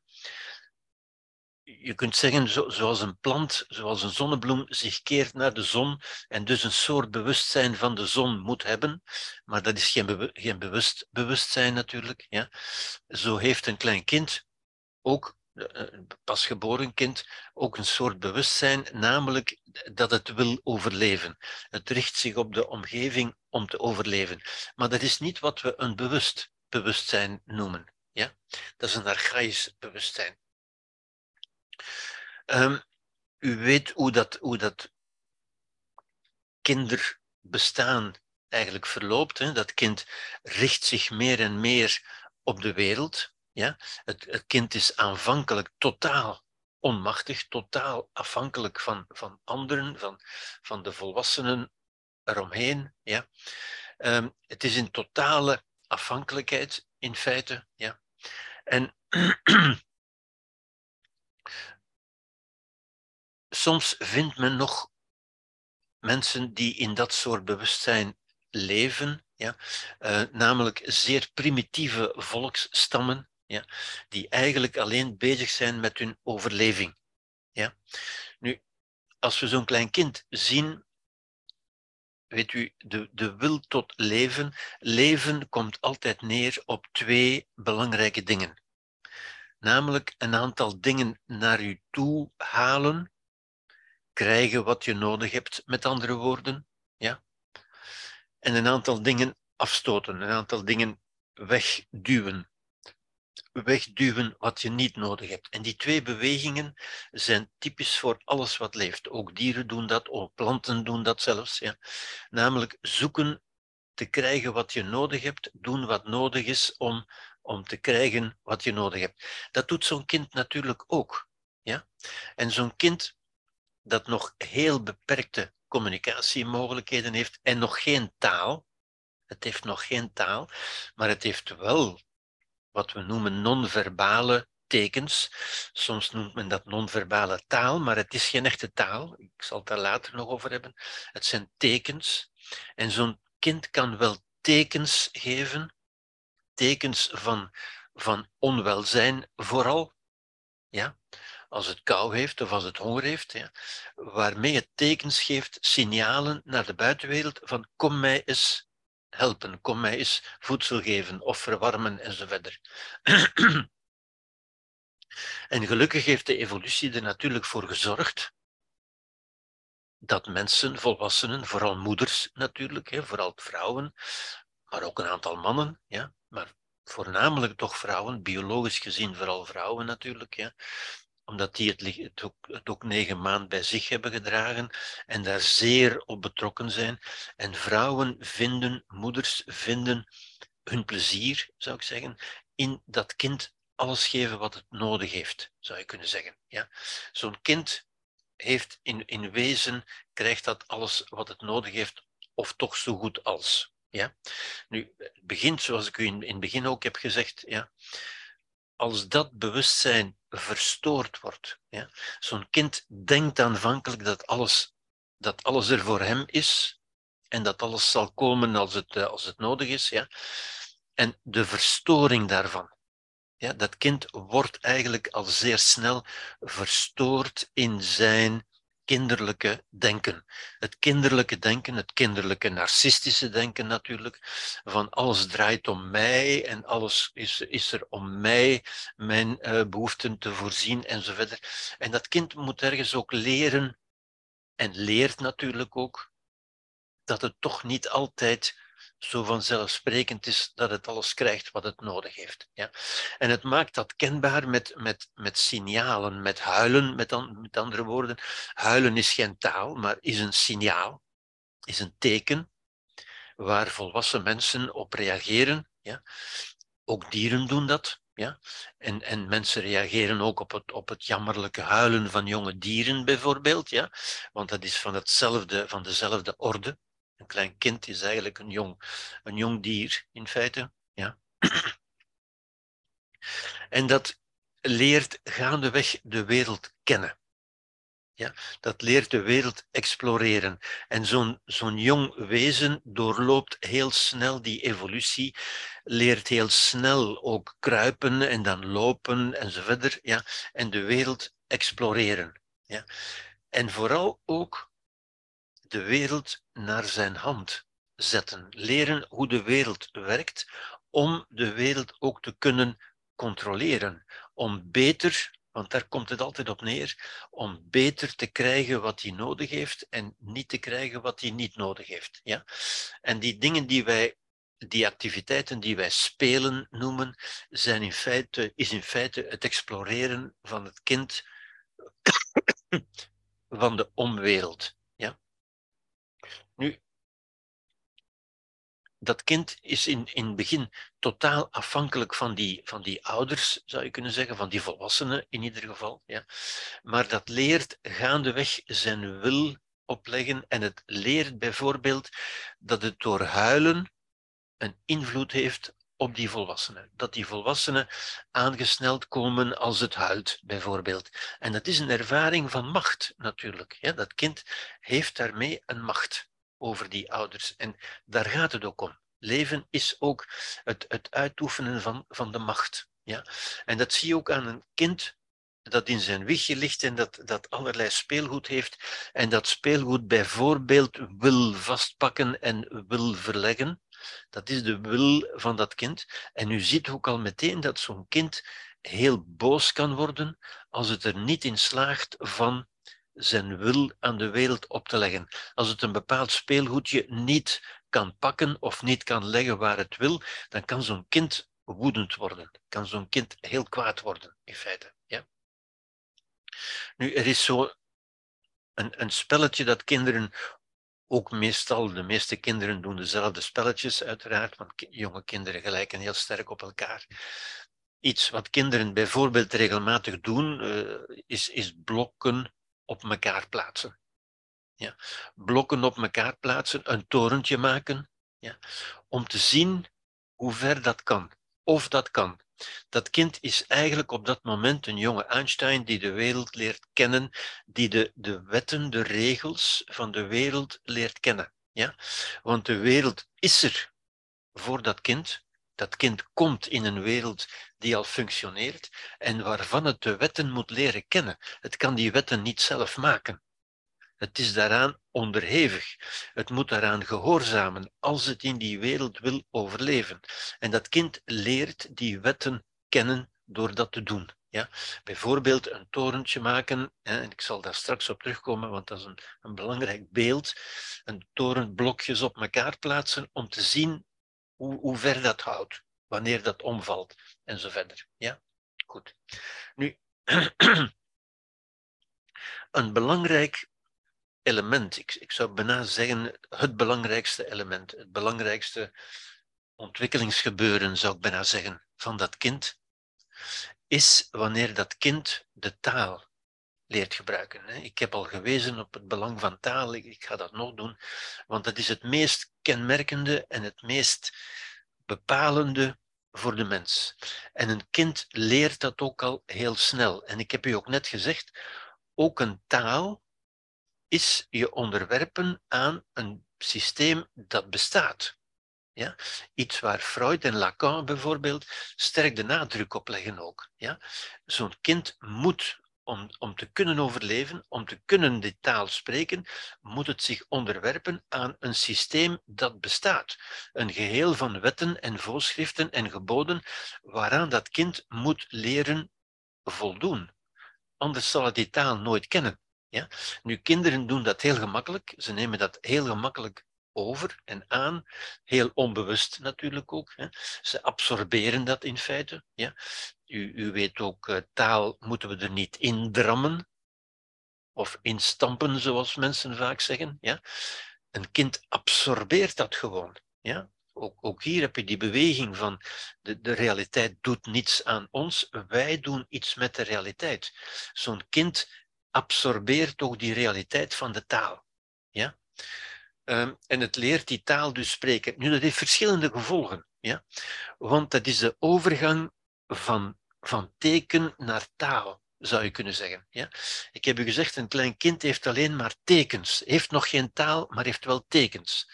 Tekens waarmee het iets kan aangeven, waarmee het kan aangeven dat het honger heeft, bijvoorbeeld. Ja? Taal is nog iets helemaal anders. Ja? Een teken is heel onspecifiek. Een teken kan aangeven, het gaat mij niet goed, ik heb iets tekort. Maar kan niet aangeven wat het juist is. Met taal kan het zeer precies aangeven wat het is. Ja? Jantje heeft honger, bijvoorbeeld. Ja? Het gaat over Jantje en het gaat over honger. Niet over kou, maar over honger. Zie je, een taal is heel precies, heel specifiek uiteindelijk. En geeft meteen toegang tot de wereld van die volwassenen. De wereld van die volwassenen, van die, van die grote figuren, die grote reuzen daaromheen, waarin dat kind terecht is gekomen en waar het totaal afhankelijk van is. Ja? Door de taal krijgt dat een toegang tot die wereld van die volwassenen, zou je kunnen zeggen. Ja? Nu, een taal leren, en een kind leert dat passief, niet actief. Het wordt ook niet actief uh, erin gestopt. Dat, dat gebeurt automatisch. Hè. Heel ook op zich heel verwonderlijk in feite. Ja? Dat kind slorpt dat op als een spons, bij wijze van spreken. Ja? Want elk kind, gelijk waar het geboren wordt, en ook daarin heeft een kind geen keuze, dat kind heeft nog geen keuze, ook geen vrijheid natuurlijk, ja? ook geen verantwoordelijkheid dus, het heeft nog geen keuze in de taal die het zal leren spreken. Ja?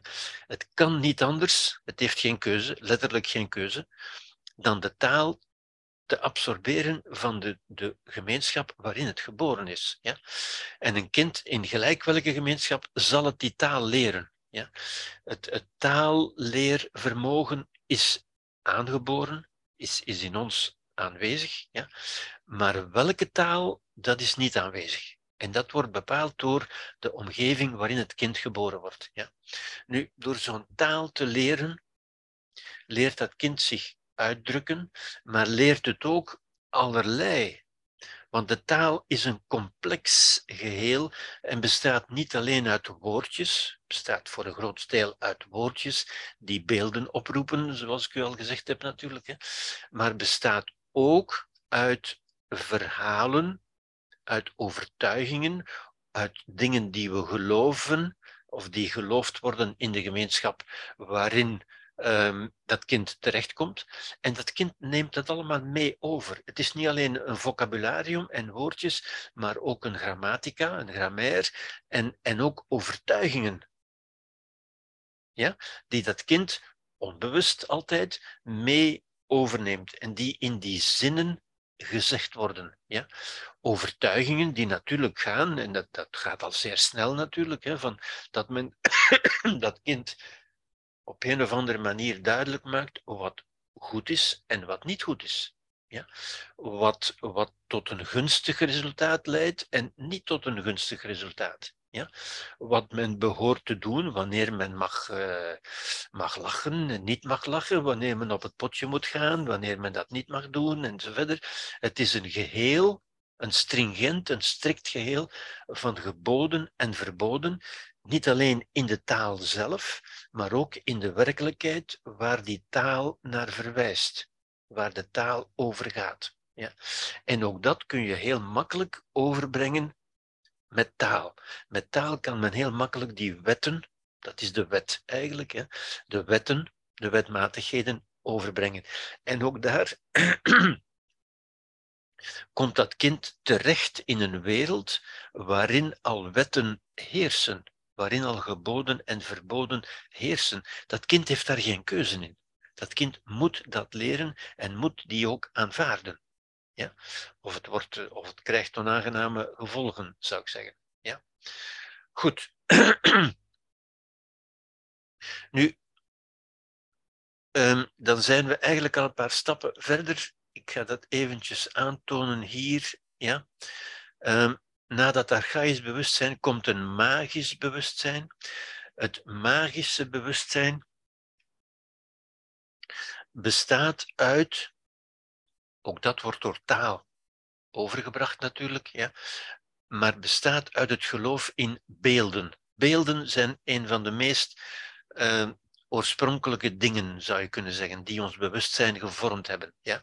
Ik heb u dat gezegd ook, ook bij dieren is dat zo. Ja wat zijn die beelden? Wel, het belangrijkste beeld dat zo'n kind heeft, is het beeld van die volwassenen, die grote figuren, die volwassen mensen, die reuzen, zeg maar, ja, die in ons, die, die uh, dat kind omringen en waarvan het totaal afhankelijk is.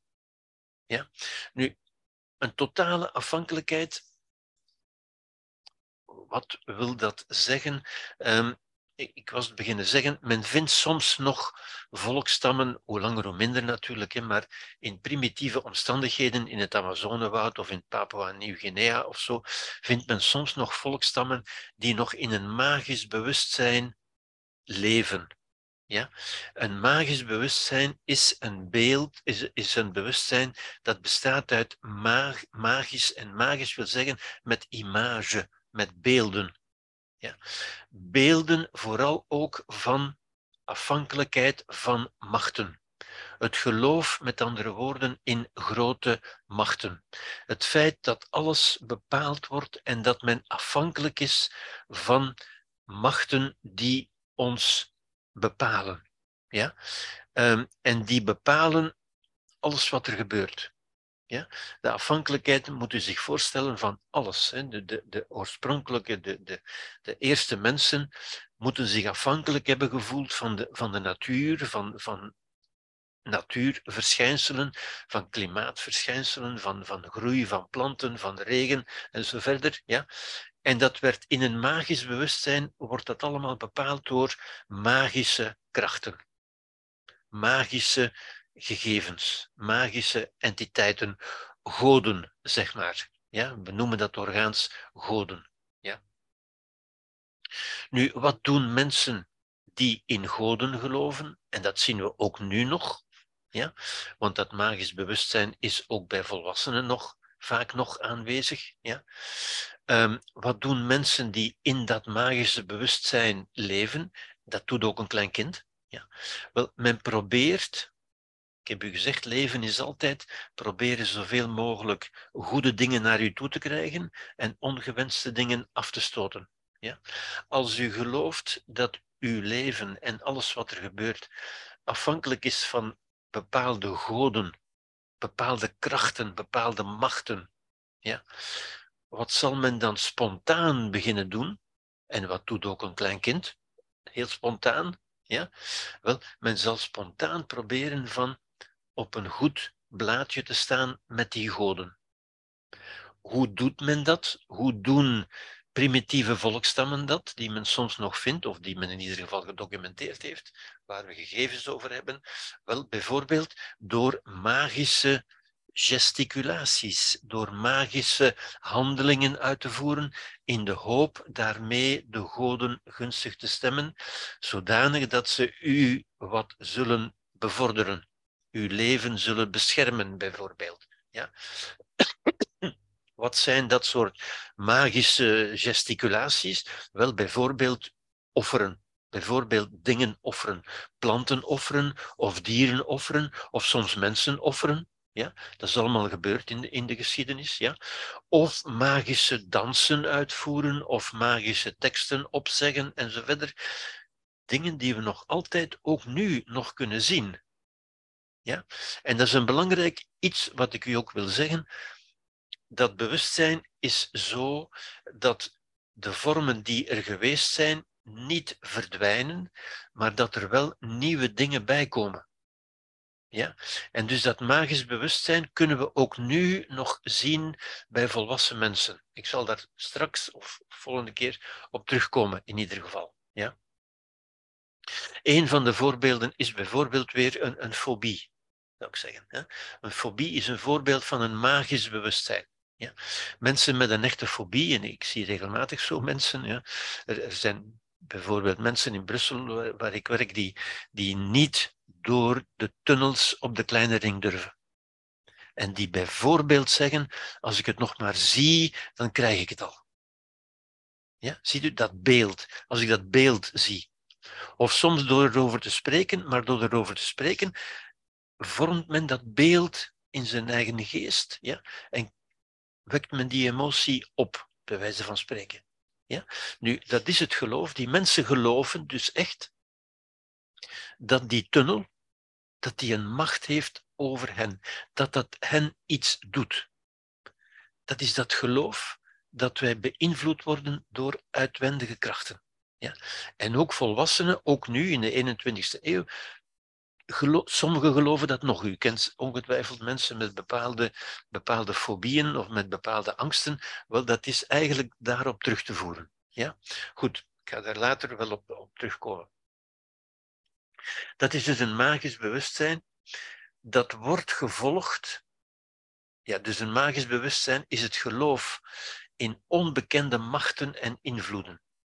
En dat leidt tot het uitvoeren van rituelen en ceremoniëlen om te proberen die machten te manipuleren, gunstig te stemmen en voordelen te verkrijgen. Ja. Ook in de, in de pathologie, in de psychiatrie, zien we dat regelmatig terugkomen. Ja, ik, ik zal daar nog wel op terugkomen. Ja? Rituelen en ceremoniëlen blijven een, een magische invloed op ons uitoefenen in de mate dat we erin geloven. En ieder van ons, niemand van ons is daar helemaal vrij van, zou ik zeggen. Ja, goed. Goed, een, een verdere stap, een verdere stap komt eigenlijk met, en dat is dan een mythisch bewustzijn. Een mythisch bewustzijn, zou ik zeggen, is evenzeer een geloof, maar niet zozeer in machten en invloeden, maar wel in bepaalde verhalen. Ja? Het, is, het zijn bepaalde verhalen waarin men gaat geloven.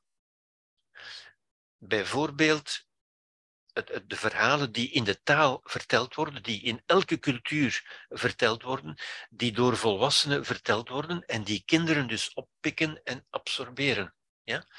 Uh, wat we geloof en bijgeloof kunnen noemen. Als je dit doet, dan gebeurt er dat, en als je dat doet, dan gebeurt er dat, en zo verder. Uh, niet zozeer met beelden, ook met beelden natuurlijk, maar toch meer taalgericht, zou je kunnen zeggen. Ja? Het mythische bewustzijn is in geloof en verhalen en regels over het ik, de anderen en de wereld. Hoe de wereld in elkaar zit, wie je kunt vertrouwen en wie je niet kunt vertrouwen, of jezelf, wat je zelf bent, wie je zelf bent, of je lief bent, of je verstandig bent, of je mooi bent en zo verder, ja, zijn dingen die in eerste instantie aan ons meegedeeld worden, zoals, zoals uw naam u wordt meegedeeld, ja, en u gaat geloven dat u die naam bent, maar u gaat ook geloven dat u die verhalen bent, ja, over wat u bent, wat u bent, is in eerste instantie wat u gezegd wordt. En in eerste instantie zal een kind dat ook geloven, want een kind heeft niet de intellectuele bagage om dat te weerleggen, zou ik zeggen. Ja? En dus, men, men neemt die vaak samen, men spreekt vaak over, over een mythisch-magisch of een magisch-mythisch bewustzijn. Er is een onderscheid. Het onderscheid is dat dit meer gaat met beelden ja? En dit meer met verhalen, meer met taal. Dus dit is een talig bewustzijn al, ja? Over wat goed en niet goed is, wat mag en niet mag. En dat is zeer uitgebreid natuurlijk. Een uitgebreid systeem van regelgeving over de wereld, wat zo'n kind opneemt met de taal. Ja? Ik zou zeggen, daar gebeurt een bepaald incisief een, een bepaalde breuk, zou ik bijna zeggen. Ja? Een bepaald punt wordt bereikt. En om dat te illustreren, zou ik, zou ik zeggen, de meeste kinderen geloven het verhaal van Sinterklaas. Ja? Waarom? Omdat dat zo gezegd wordt. En omdat een kind in eerste instantie gelooft wat gezegd wordt. Dat zou je kunnen zeggen, dat, dat hoort bij, bij de taal die het kind leert. Ja? De meeste kinderen geloven dat. De meeste kinderen bereiken ook een, een punt waarop ze dat niet meer geloven. En dat is een buitengewoon belangrijk punt eigenlijk. Ja? Vooral als een kind dat, en dat is meestal het geval, op eigen kracht gaat ontdekken. Ja? Als een kind bijvoorbeeld gaat zeggen, mama heeft gezegd dat morgen Sinterklaas komt, maar ik heb gisteren drie Sinterklaasen op straat gezien en ik heb de cadeautjes al in mama's kast zien liggen. Ja? En ziet u, dat kind gaat die elementen Morgen komt Sinterklaas, maar ik heb er gisteren drie op straat gezien en de cadeautjes liggen al in de kast. En dat kind gaat die elementen samenbrengen en gaat zeggen, maar dat kan toch niet? Dat kan niet. Ja? En ziet u, waar ik daar straks naar verwees, ja? ik verwees daar straks naar het spel dat kinderen spelen hier in het begin, ja? waar zij leren blokjes op elkaar plaatsen om te zien hoe ver dat gaat, hoe ver dat houdt. Wel, denken, dit denken is eigenlijk hetzelfde. Dat kind brengt een aantal blokjes, maar in plaats van materiële blokjes zijn dat ideële blokjes, ideeën samen. Morgen komt Sinterklaas, maar ik heb er gisteren drie op straat gezien en ik heb de cadeautjes al in de kast gezien. Ja? En ook dat zijn blokjes die dat kind samenbrengt en waarvan het vaststelt van, tja, dat kan niet. Dat kan niet allemaal tegelijk waar zijn. Ja? En dat is voor vele kinderen ook een schok. Want kinderen ontdekken daar dat niet alles wat gezegd wordt waar kan zijn. Ja? Nu, dat bewustzijn, dat vaak met een schok, vaak ook een emotionele schok, sommige kinderen, eh, nogal wat kinderen, huilen daarbij. Ze huilen daarbij. Waarom? Wel, omdat er een hele denkwereld, en dat wil zeggen een hele bewustzijnswereld, een hele leefwereld, eigenlijk in elkaar stort, zou je kunnen zeggen. Dat is natuurlijk een dramatisch woord, er stort niks in elkaar, maar men kan dat gewoon niet meer geloven. Die mentale wereld houdt op te bestaan, verliest haar geloofwaardigheid. Ja. En dat is een schok natuurlijk, hè, want dat kind ontdekt hoe, in zekere zin, hoe naïef het is geweest. Ja? Hoe dingen verteld worden die gewoon niet waar zijn.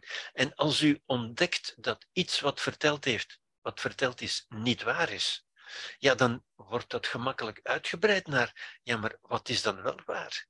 Waarom zou ik dingen wel nog geloven? En als ik mama niet kan geloven, kan ik dan andere mensen wel geloven? Wat is nog te geloven uiteindelijk? En ziet u, die initiële verstoring eigenlijk. Ja? De verstoring van dat wereldbeeld. Ik heb daar in het begin ook over gesproken. Hè? De verstoring van het wereldbeeld. En die verstoring van het wereldbeeld, je, je zou kunnen zeggen, dat is toch dat, dat brengt toch ongeluk bij dat kind, hè, want dat is eigenlijk een beetje het paradijs waar het uitvalt, zoals ik u in het begin heb gezegd. Hè. Het wordt verjaagd in zekere zin uit dat paradijs en, en het heeft toch niks verkeerd gedaan. En waarom moet dat nu gebeuren? Wel, ik zou zeggen, dat is een noodzakelijk gebeuren om het volwassen denken op gang te brengen. Ja? En dat is ook een noodzakelijke stap. En ik zal daar nog, nog op terugkomen, want dat is buitengewoon belangrijk natuurlijk. Hè? Het vermogen waarmee dat mogelijk is, is wat we noemen een rationeel, reflexief bewustzijn. En dat is ook het begin van het persoonlijke denken. Daarom is het ook belangrijk dat een kind dat ontdekt door persoonlijk denken, door zijn eigen denkkracht. En op dat moment ontwikkelt dat of, of is die denkkracht aanwezig en die blijft ook aanwezig. Die blijft ook aanwezig voor de rest van het leven. Dat is het begin van het volwassen denken. Dit is het geloof, het geloof in beelden, het geloof in verhalen. Dit is het kritische denken. Het kritische denken, kritijn in het Grieks, wil zeggen de scheiding maken tussen wat waar is en wat niet waar is. Wat kan ik nog geloven? Wat, wat moet ik niet meer geloven? En verder. Ja? En dat bewustzijn waarmee we heel ons verder leven, verder zullen gaan. Want we worden heel ons verder leven, worden wij bestookt, bij wijze van spreken, gebombardeerd met verhalen, uit de omgeving, uit de samenleving. Via de media, via de pers, via de reclame worden ons allerlei boodschappen gegeven, voortdurend. En voortdurend moeten wij ook ons afvragen, en dat doen wij natuurlijk ook, dat doen wij ook, ja, van ga ik dat wel geloven? Dat is wat, wat u nu ook aan het doen bent. Ik ben u nu ook een verhaal aan het vertellen. En ziet u, u checkt dat ook in uzelf. Onbewust hoor, dat gaat automatisch. Hè. U checkt dat met dingen die u vroeger geloofd hebt, of die u in een boek gelezen hebt, of in een film gezien hebt. En u vraagt zich af, klopt dat wel? Ga ik dat wel geloven? Ja? En daar zijn we heel ons verdere leven mee behept, zou je kunnen zeggen. Ja? We kunnen niet meer naïef weg alles geloven wat ons gezegd wordt. Voortdurend stellen we ons die vraag, wat kan ik nog geloven? Is dat wel waar? Dat is de vraag eigenlijk. Ja? Nu, tegelijk bevrijdt ons dat ook. Dat denken, dat is natuurlijk heel dubbel. Hè. Het, het, het geeft ons een last, het maakt ons verantwoordelijk. Het, geeft, het, het, het vestigt onze vrijheid ook. Onze vrijheid, onze keuzevrijheid van ik ga het nog geloven of ik ga het niet meer geloven. Ja? Maar tegelijk geeft ons dat ook die vrijheid om juist te gaan bepalen wat we nog gaan geloven. En het bevrijdt ons van die vorige vormen van geloof. Ja? En dan zien we ook, ja, wat ik u daar straks zei van een fobie bijvoorbeeld. Een fobie is een, is een vorm van magisch bewustzijn. Het is door de redelijkheid, door rationeel, reflexief na te denken, van is dat wel redelijk? Ja? Nu ben ik al, al tien jaar of twintig jaar bang geweest om in een lift te stappen, maar is dat eigenlijk nog wel redelijk? Is dat geen Sinterklaas die ik moet ontmantelen en waar ik kan overstappen? Ja? En nu heb ik al zo lang geloofd uh, dat de wereld uh, geregeerd wordt uh, door God en dat ik moet bang zijn om naar de hel te gaan en dat ik moet zorgen om naar de hemel te gaan. Maar is dat nog wel redelijk? Ja?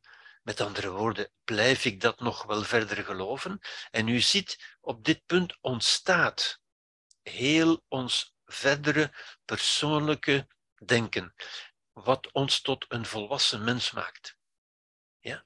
En ik hoop dan ook, ik, ik heb u in het begin gezegd, mensen vinden dat ook soms vervelend. Ja?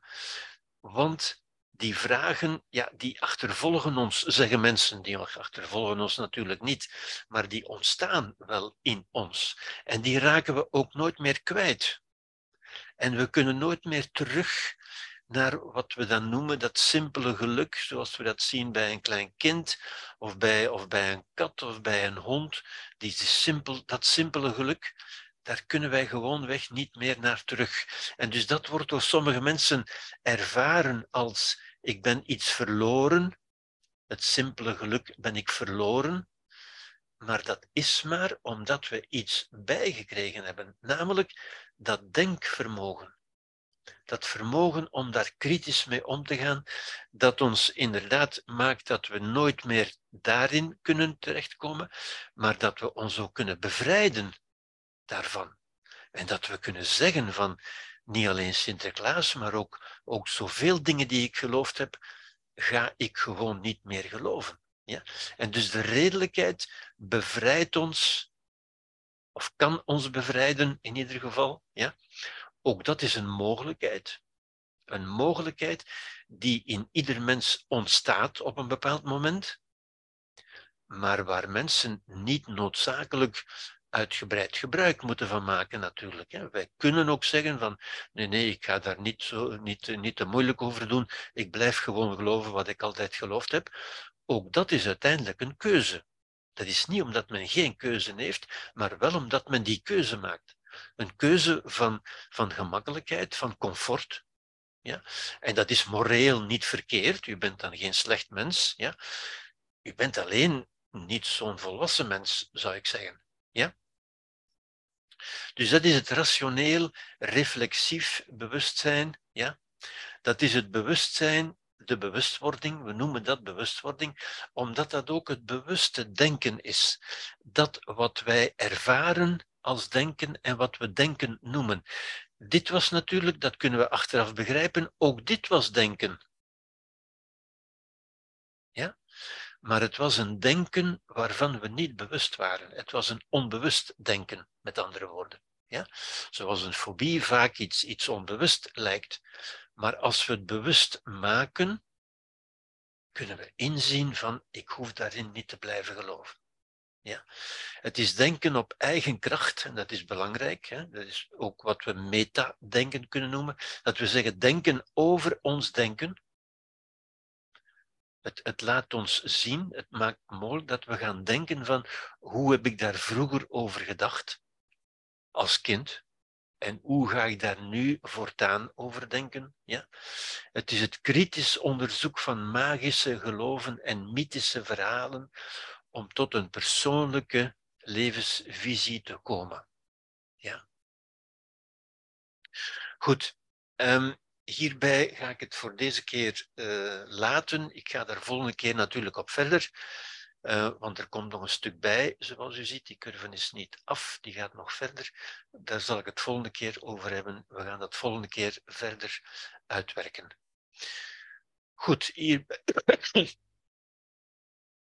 hierbij uh, laat ik het voor deze keer en ik ben nog beschikbaar voor vragen die hierover zouden zijn en die u eventueel nu zou willen stellen. of bedenkingen daarbij.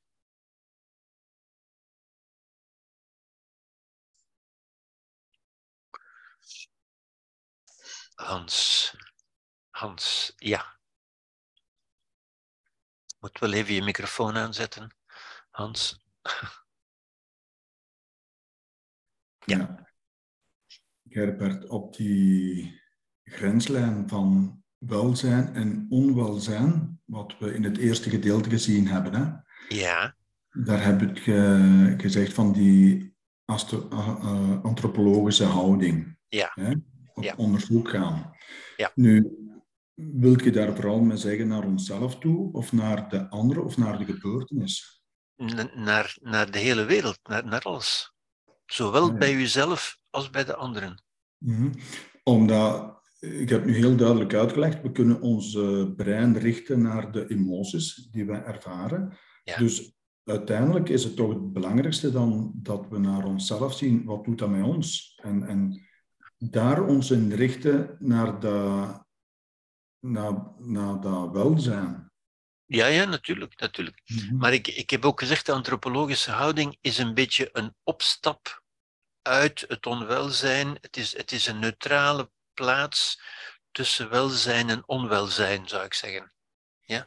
Omdat die sprong soms een beetje groter is. Nu, ik kom daar later ook op terug hoor. Ik, ik ben een beetje um, gelimiteerd, omdat ik niet alles in één keer kan zeggen, natuurlijk. Ja, ja, ja. ik, ik moet de dingen het ene na het andere zeggen. Mhm. Ja. ik kom daar uitgebreid op terug hoor. Eh, op, op welzijn en onwelzijn, want daar gaat het natuurlijk over. Hè. Ja, ja, ja. oké, okay, dankjewel. Maar uh, ik, ik wil toch zeggen, die antropologische houding geldt ook naar onszelf. Hè.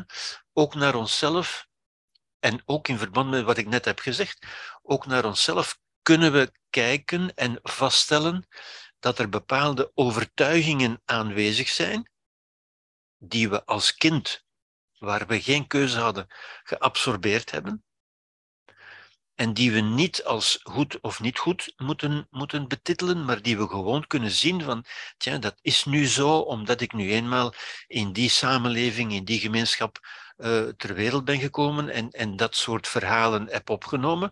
Op zich is dat ook niet goed of niet niet goed. Ja, we kunnen ook zeggen, dat is merkwaardig. Hè? Het geloof in Sinterklaas is merkwaardig. De enige vraag is, ga ik dat nog verder geloven of niet? Ja?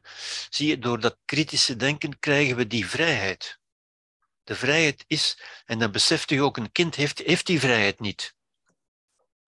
We hebben ook nooit de keuze gehad om de, van de taal die we willen spreken. Daar hebben we geen keuze in gehad. Maar we kunnen wel op volwassen leeftijd zeggen, voortaan ga ik Frans spreken, of, of Spaans, of Portugees, of, of Russisch. Ja?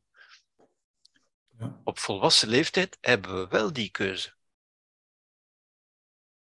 En het punt waar ik het nu over had, dat begin van kritisch denken, wat ik illustreer met Sinterklaas, is het, is het begin van volwassen denken. Het begin van kritisch denken ook.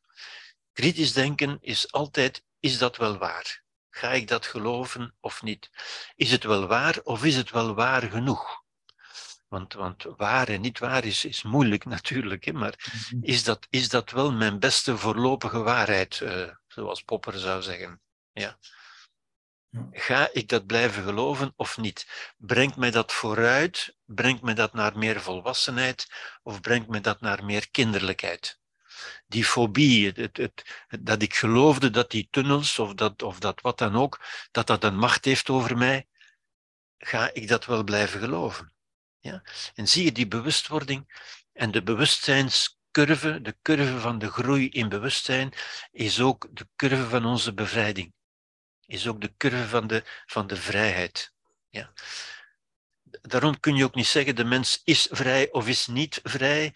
De mens verwerft vrijheid door bewust te worden. Naarmate we meer bewust worden, hebben we meer vrijheid. Beseffen we dat we meer dingen kunnen kiezen, maar hebben we natuurlijk ook meer verantwoordelijkheid. Ja, maar door dat bewustzijn en meer verantwoordelijkheid te nemen, dan is de vraag met die antropologische houding, gaan we dan in, in, uh, in, in rusthouding blijven en zeggen, oké, ik, ik kan het onderzoeken of gaan we daar ook tegenin? Dat is dan de volgende stap. Dat is de keuze die je hebt. Hè? Dat is de keuze die je hebt. Mm En dat is natuurlijk een, een persoonlijke keuze, daarom noem ik het ook een normatieve zelfsturing, ja? aan de hand van de normen die je jezelf stelt. Ja? En je kunt je afvragen, bijvoorbeeld, je kunt zeggen, de norm is volwassen worden.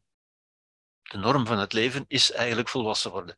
Alles wat, alles wat begint als een zaadje, groeit naar volwassenheid. Dat is de norm van het leven, zou je kunnen zeggen. Ja? En dus je kunt je afvragen, als ik dat nu geloof, of als ik dat blijf geloven, brengt mij dat naar meer volwassenheid of houdt mij dat meer in onvolwassenheid? Mhm.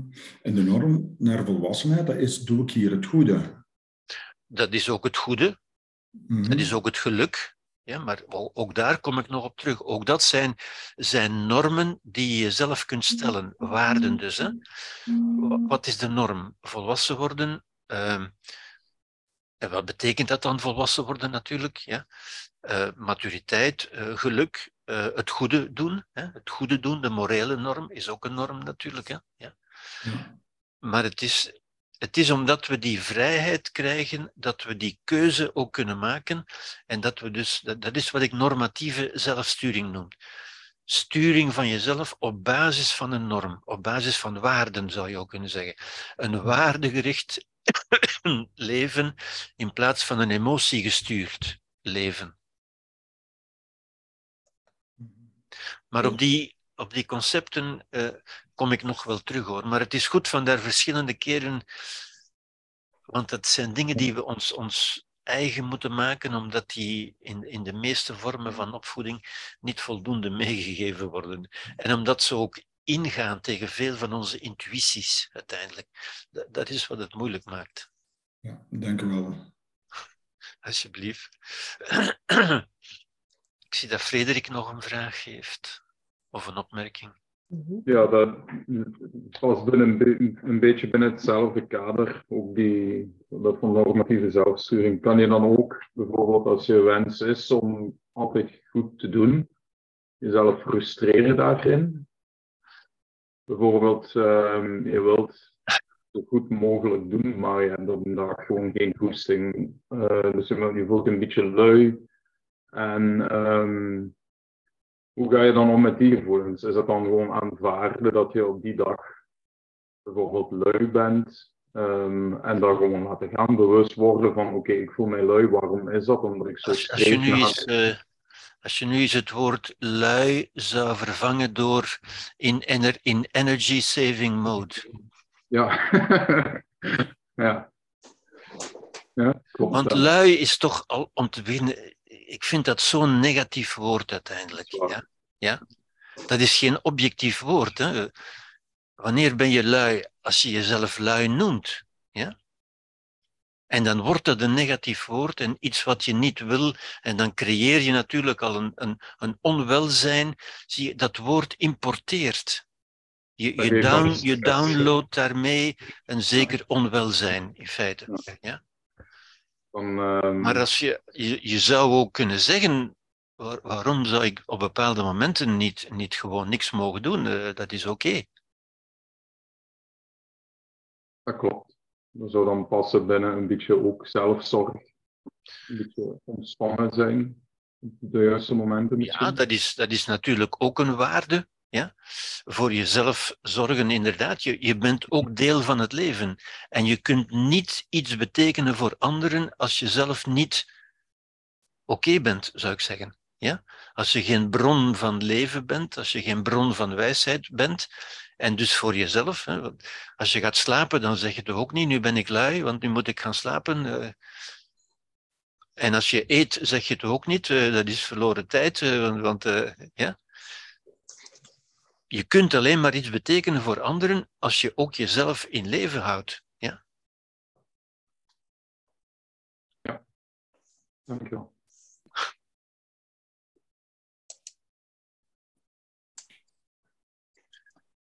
Oké.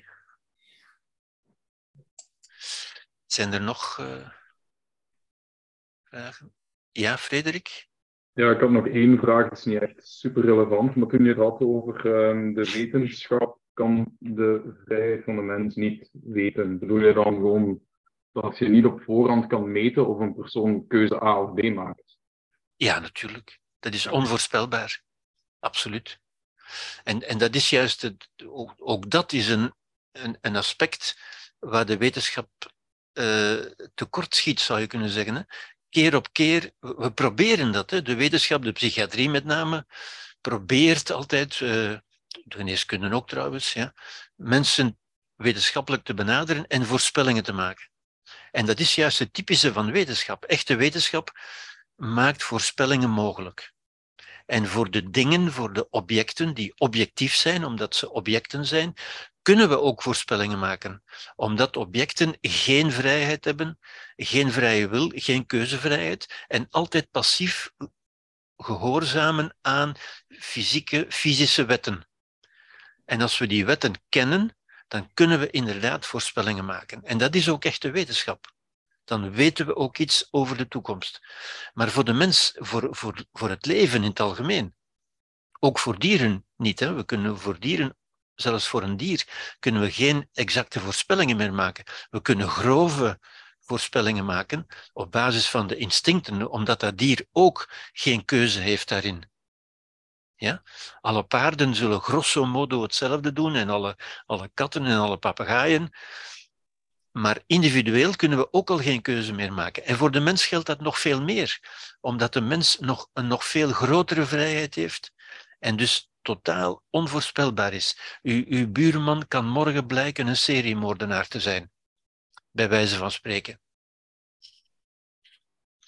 En dus al die, al die voorspellingen die men bijvoorbeeld ook voor in, in, de, in de criminele sfeer probeert men altijd eh, het gevaar voor recidiven te voorspellen, bijvoorbeeld. Nu, men kan dat niet. Keer op keer mislukt dat. Ja. Omdat men over de mens als mens, als bewust wezen, juist geen wetenschap heeft. En dat vinden we moeilijk te aanvaarden in deze tijd die zo gedomineerd wordt door het wetenschappelijke denken. Ja? En de wetenschap probeert dat. En dat is oké. De wetenschap mag dat proberen natuurlijk. Hè. Dat is, we kunnen dat alleen maar toejuichen. Maar keer op keer stelt de wetenschap vast dat, dat het niet lukt. We kunnen de mens niet voorspellen in zijn menselijk gedrag. Wel in zijn lichamelijk gebeuren, in de, aan de medische kant, de materiële kant van de mens. De mens is ook een ding en in die zin wel onderworpen aan wetenschappelijke wetten. De mens is ook een biologisch ding, maar de mens is ook een bewust ding. En als bewust ding kunnen we de mens nooit voorspellen.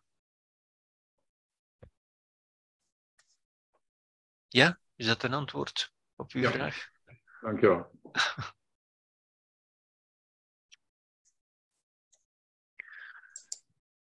Oké, okay, geen verdere vragen meer.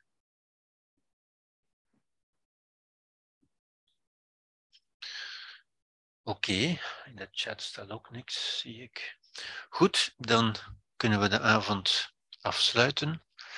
En dank ik u voor uw aanwezigheid. En zien we elkaar volgende week terug. Dank u wel. Oké? Okay? Tot volgende week. Dag. Goedenavond. Goedenavond. Dag. Goedenavond. Dag. Fijne avond. Dag. Fijne avond. Ja, dag.